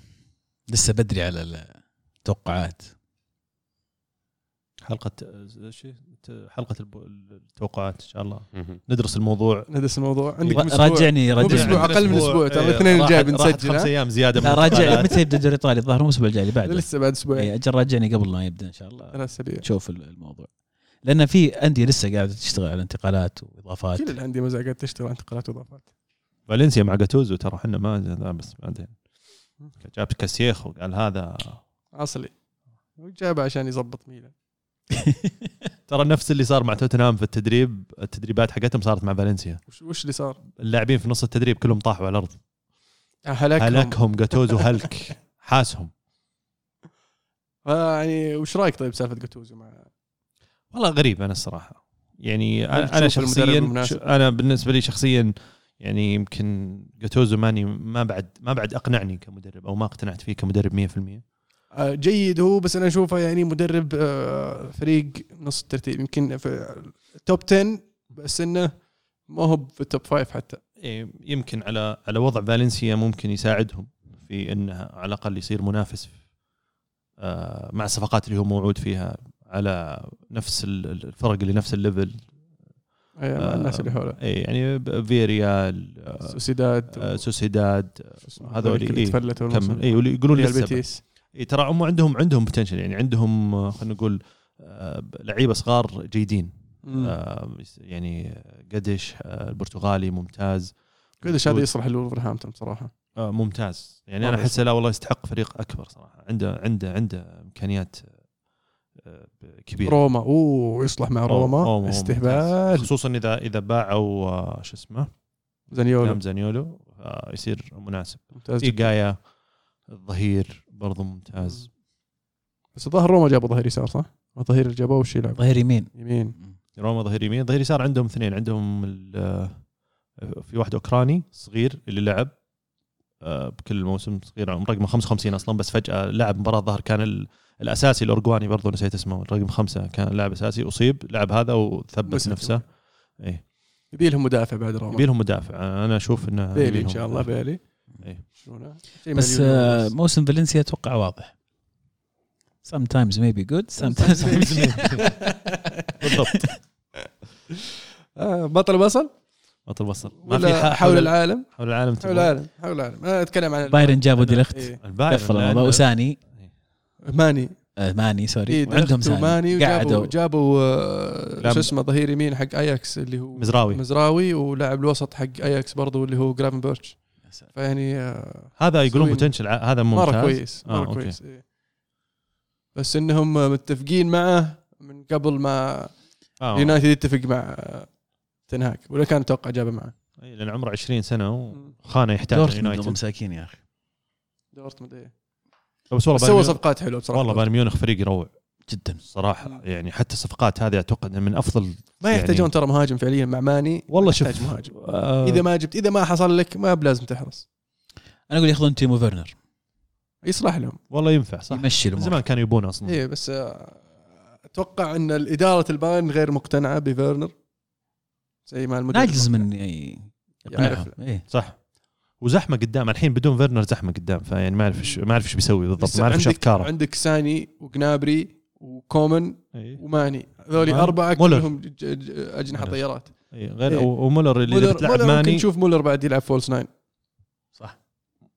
ما يحتاجون ما يحتاجون. وفي المح... المحظوظ ال- الأرزاق تشوبا موتينج ذحين معهم ذا الحين موجود. والله عجيب. و PSG وقعوا مع ال- ال- المهاجم اللي كان يبغى نيوكاسل إيش كان اسمه؟ إيه- إيكيتيكي ما أدري شيء زي كذا. مهاجم شاب صغير من ريمس. أكيد و- وموكليلي تو موقعين معه. وش يصير ذا موكريلي موكليلي مدافع. مدافع يلعب ظهير يمين. كان يلعب في لايبزيج. هذا. من أحد اللعيبة اللي راجنك نصح اليونايتد يتوكلون معهم. ورفض الفكرة تنهاك. أنا أثق في بضاعة لايبزيج. أنا أثق في تنهاك آه عفوا في راجنك. صح. أي شيء يقوله صح. أم وش بعد؟ PSG عندهم لستة لعيبة لازم يصفونهم لازم يمشونهم.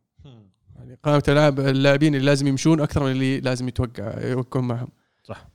آه، دورتموند ترى سووا صفقة سووا الصيف يعني صيف صفقات ممتازة. يعني جابوا لهم آه، ما أدري قلبين دفاع ما أدري ثلاثة وظبطوا وسط وجابوا لهم مهاجم بس مسكين المهاجم طلع فيه آه، ورم فممكن يغيب لفترة الحين في أندية قاعدة تقول لهم تعال اسمع اشتري لاعب عندي هذا عوضا أسوي لك خاصة بس تعال اشتري أتوقع يشترون رونالدو دورتموند.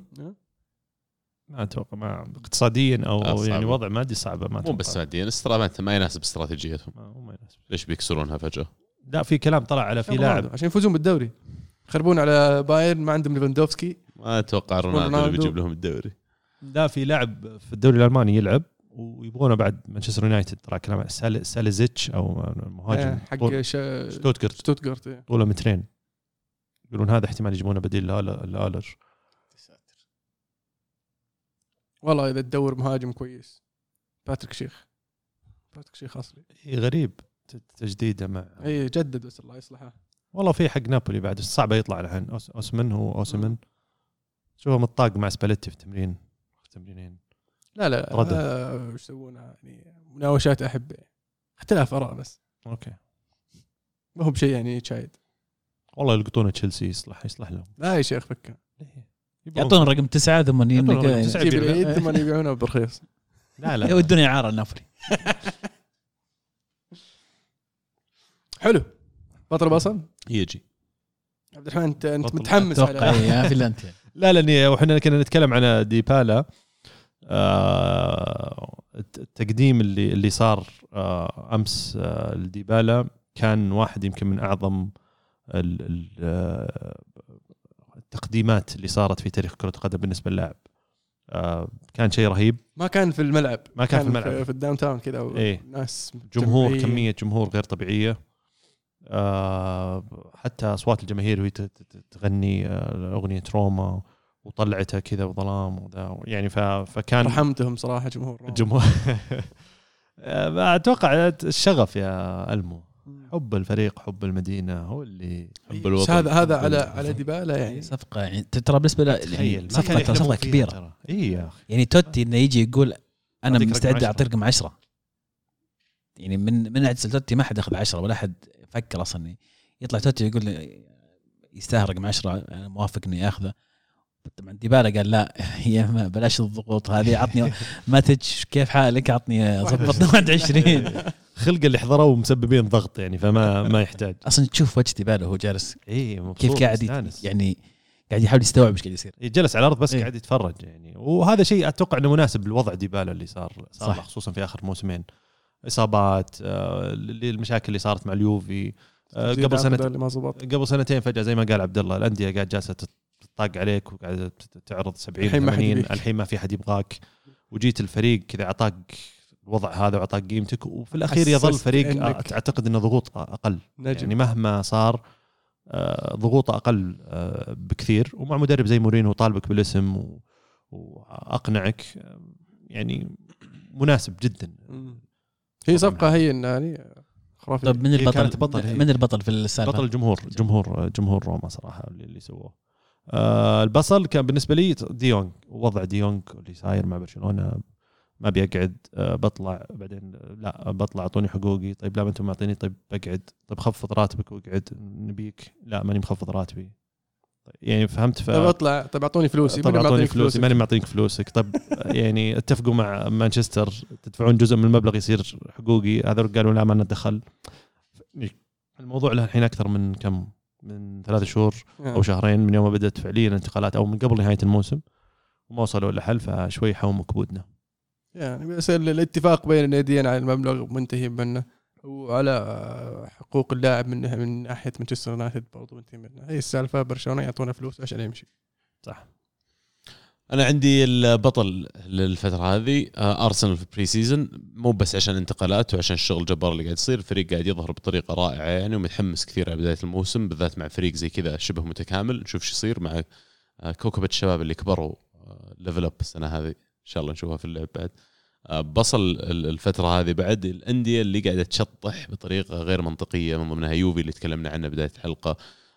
تكلمنا عن برشلونة زي ما قال عبد عبد الرحمن بس الأندية اللي استراتيجيتها للانتقالات على الأقل بالنسبة لي غير واضحة وغير مجدية على الفترة طويلة المدى، كرة القدم بالنسبة لي لعبة استمرارية أحسن من إنك تعطيني موسم تفوز بالدوري وبعدين ثمان مواسم أطلع من ال top four، لا أعطيني فريق قادر ينافس وأقدر كل سنة أطمح إن إن شاء الله السنة هذه أحسن شوي من السنة الماضية، فهذول اللي يستاهلون البطل. البصل. أقول اسلم بطل بالنسبة لي نادي مونزا الإيطالي اللي تو صاعد من سيريا بي آه، بقيادة آه، بيرلسكوني وجالياني وقع تقريبا مع يمكن 20 لاعب أسماء كذا لقط له كم اسم كويسين أسماء صراحة منها رانوكيا منها بسينا منها سنسي لاعب إنتر. فعنده اثنين رانوكيا. واحد من انتر واحد من يوفي جايبين اثنين يعني ما يكفي واحد. ما كفى واحد. إيه. فعندهم أسماء اوه الحارس كرانيو الحارس اللي كان يعني يتوقعون الناس إنه راح يكون حارس إيطالي الأول. صح إنه ما مشت الأمور زي ما كانوا يتوقعونه لكنه حارس ممتاز جدا. فإضافة كويسة لنادي مونزا اللي راح أتمنى أتمنى إنه يقدم شيء جميل في في السيريا. السنة الجاية وما يكون من الأندية اللي بس تجي وتهبط على طول. البصل بالنسبة لي آه، رونالدو. تكلمنا كثير في الحلقة عن الأسباب فأتوقع تصرف غير مقبول حتى لو كان كريستيانو رونالدو. ما أعتقد إنه هذا يشفع له إن الأغلب يقول إيه طبيعي لازم يطلع لأن رونالدو أكيد يبغى يلعب Champions League ما أحس إنه يعني حتى لو كان أفضل لاعب في العالم ما يبرر تصرفاته. فعلا.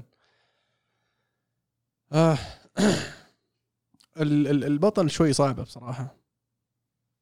أنا أنا أتفق معك في سالفة البصل رونالدو على الطريقة والتوقيت والإيهام ال- ال- الخاطئ في بداية في نهاية الموسم الماضي وبداية الصيف.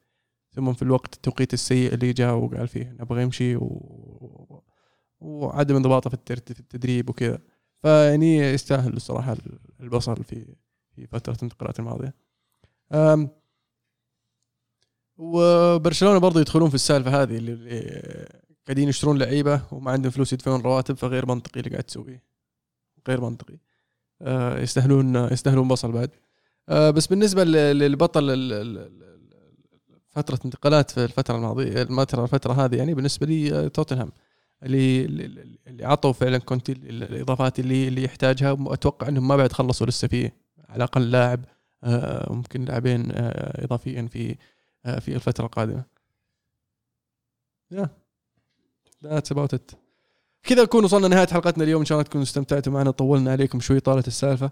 آه، أذكر كانت خمسة ونص الحين الساعة 8 فجأة. لازم. أول حلقة في الموسم. وانتقالات وشغل. فأبد كانت الكوره معكم. تمام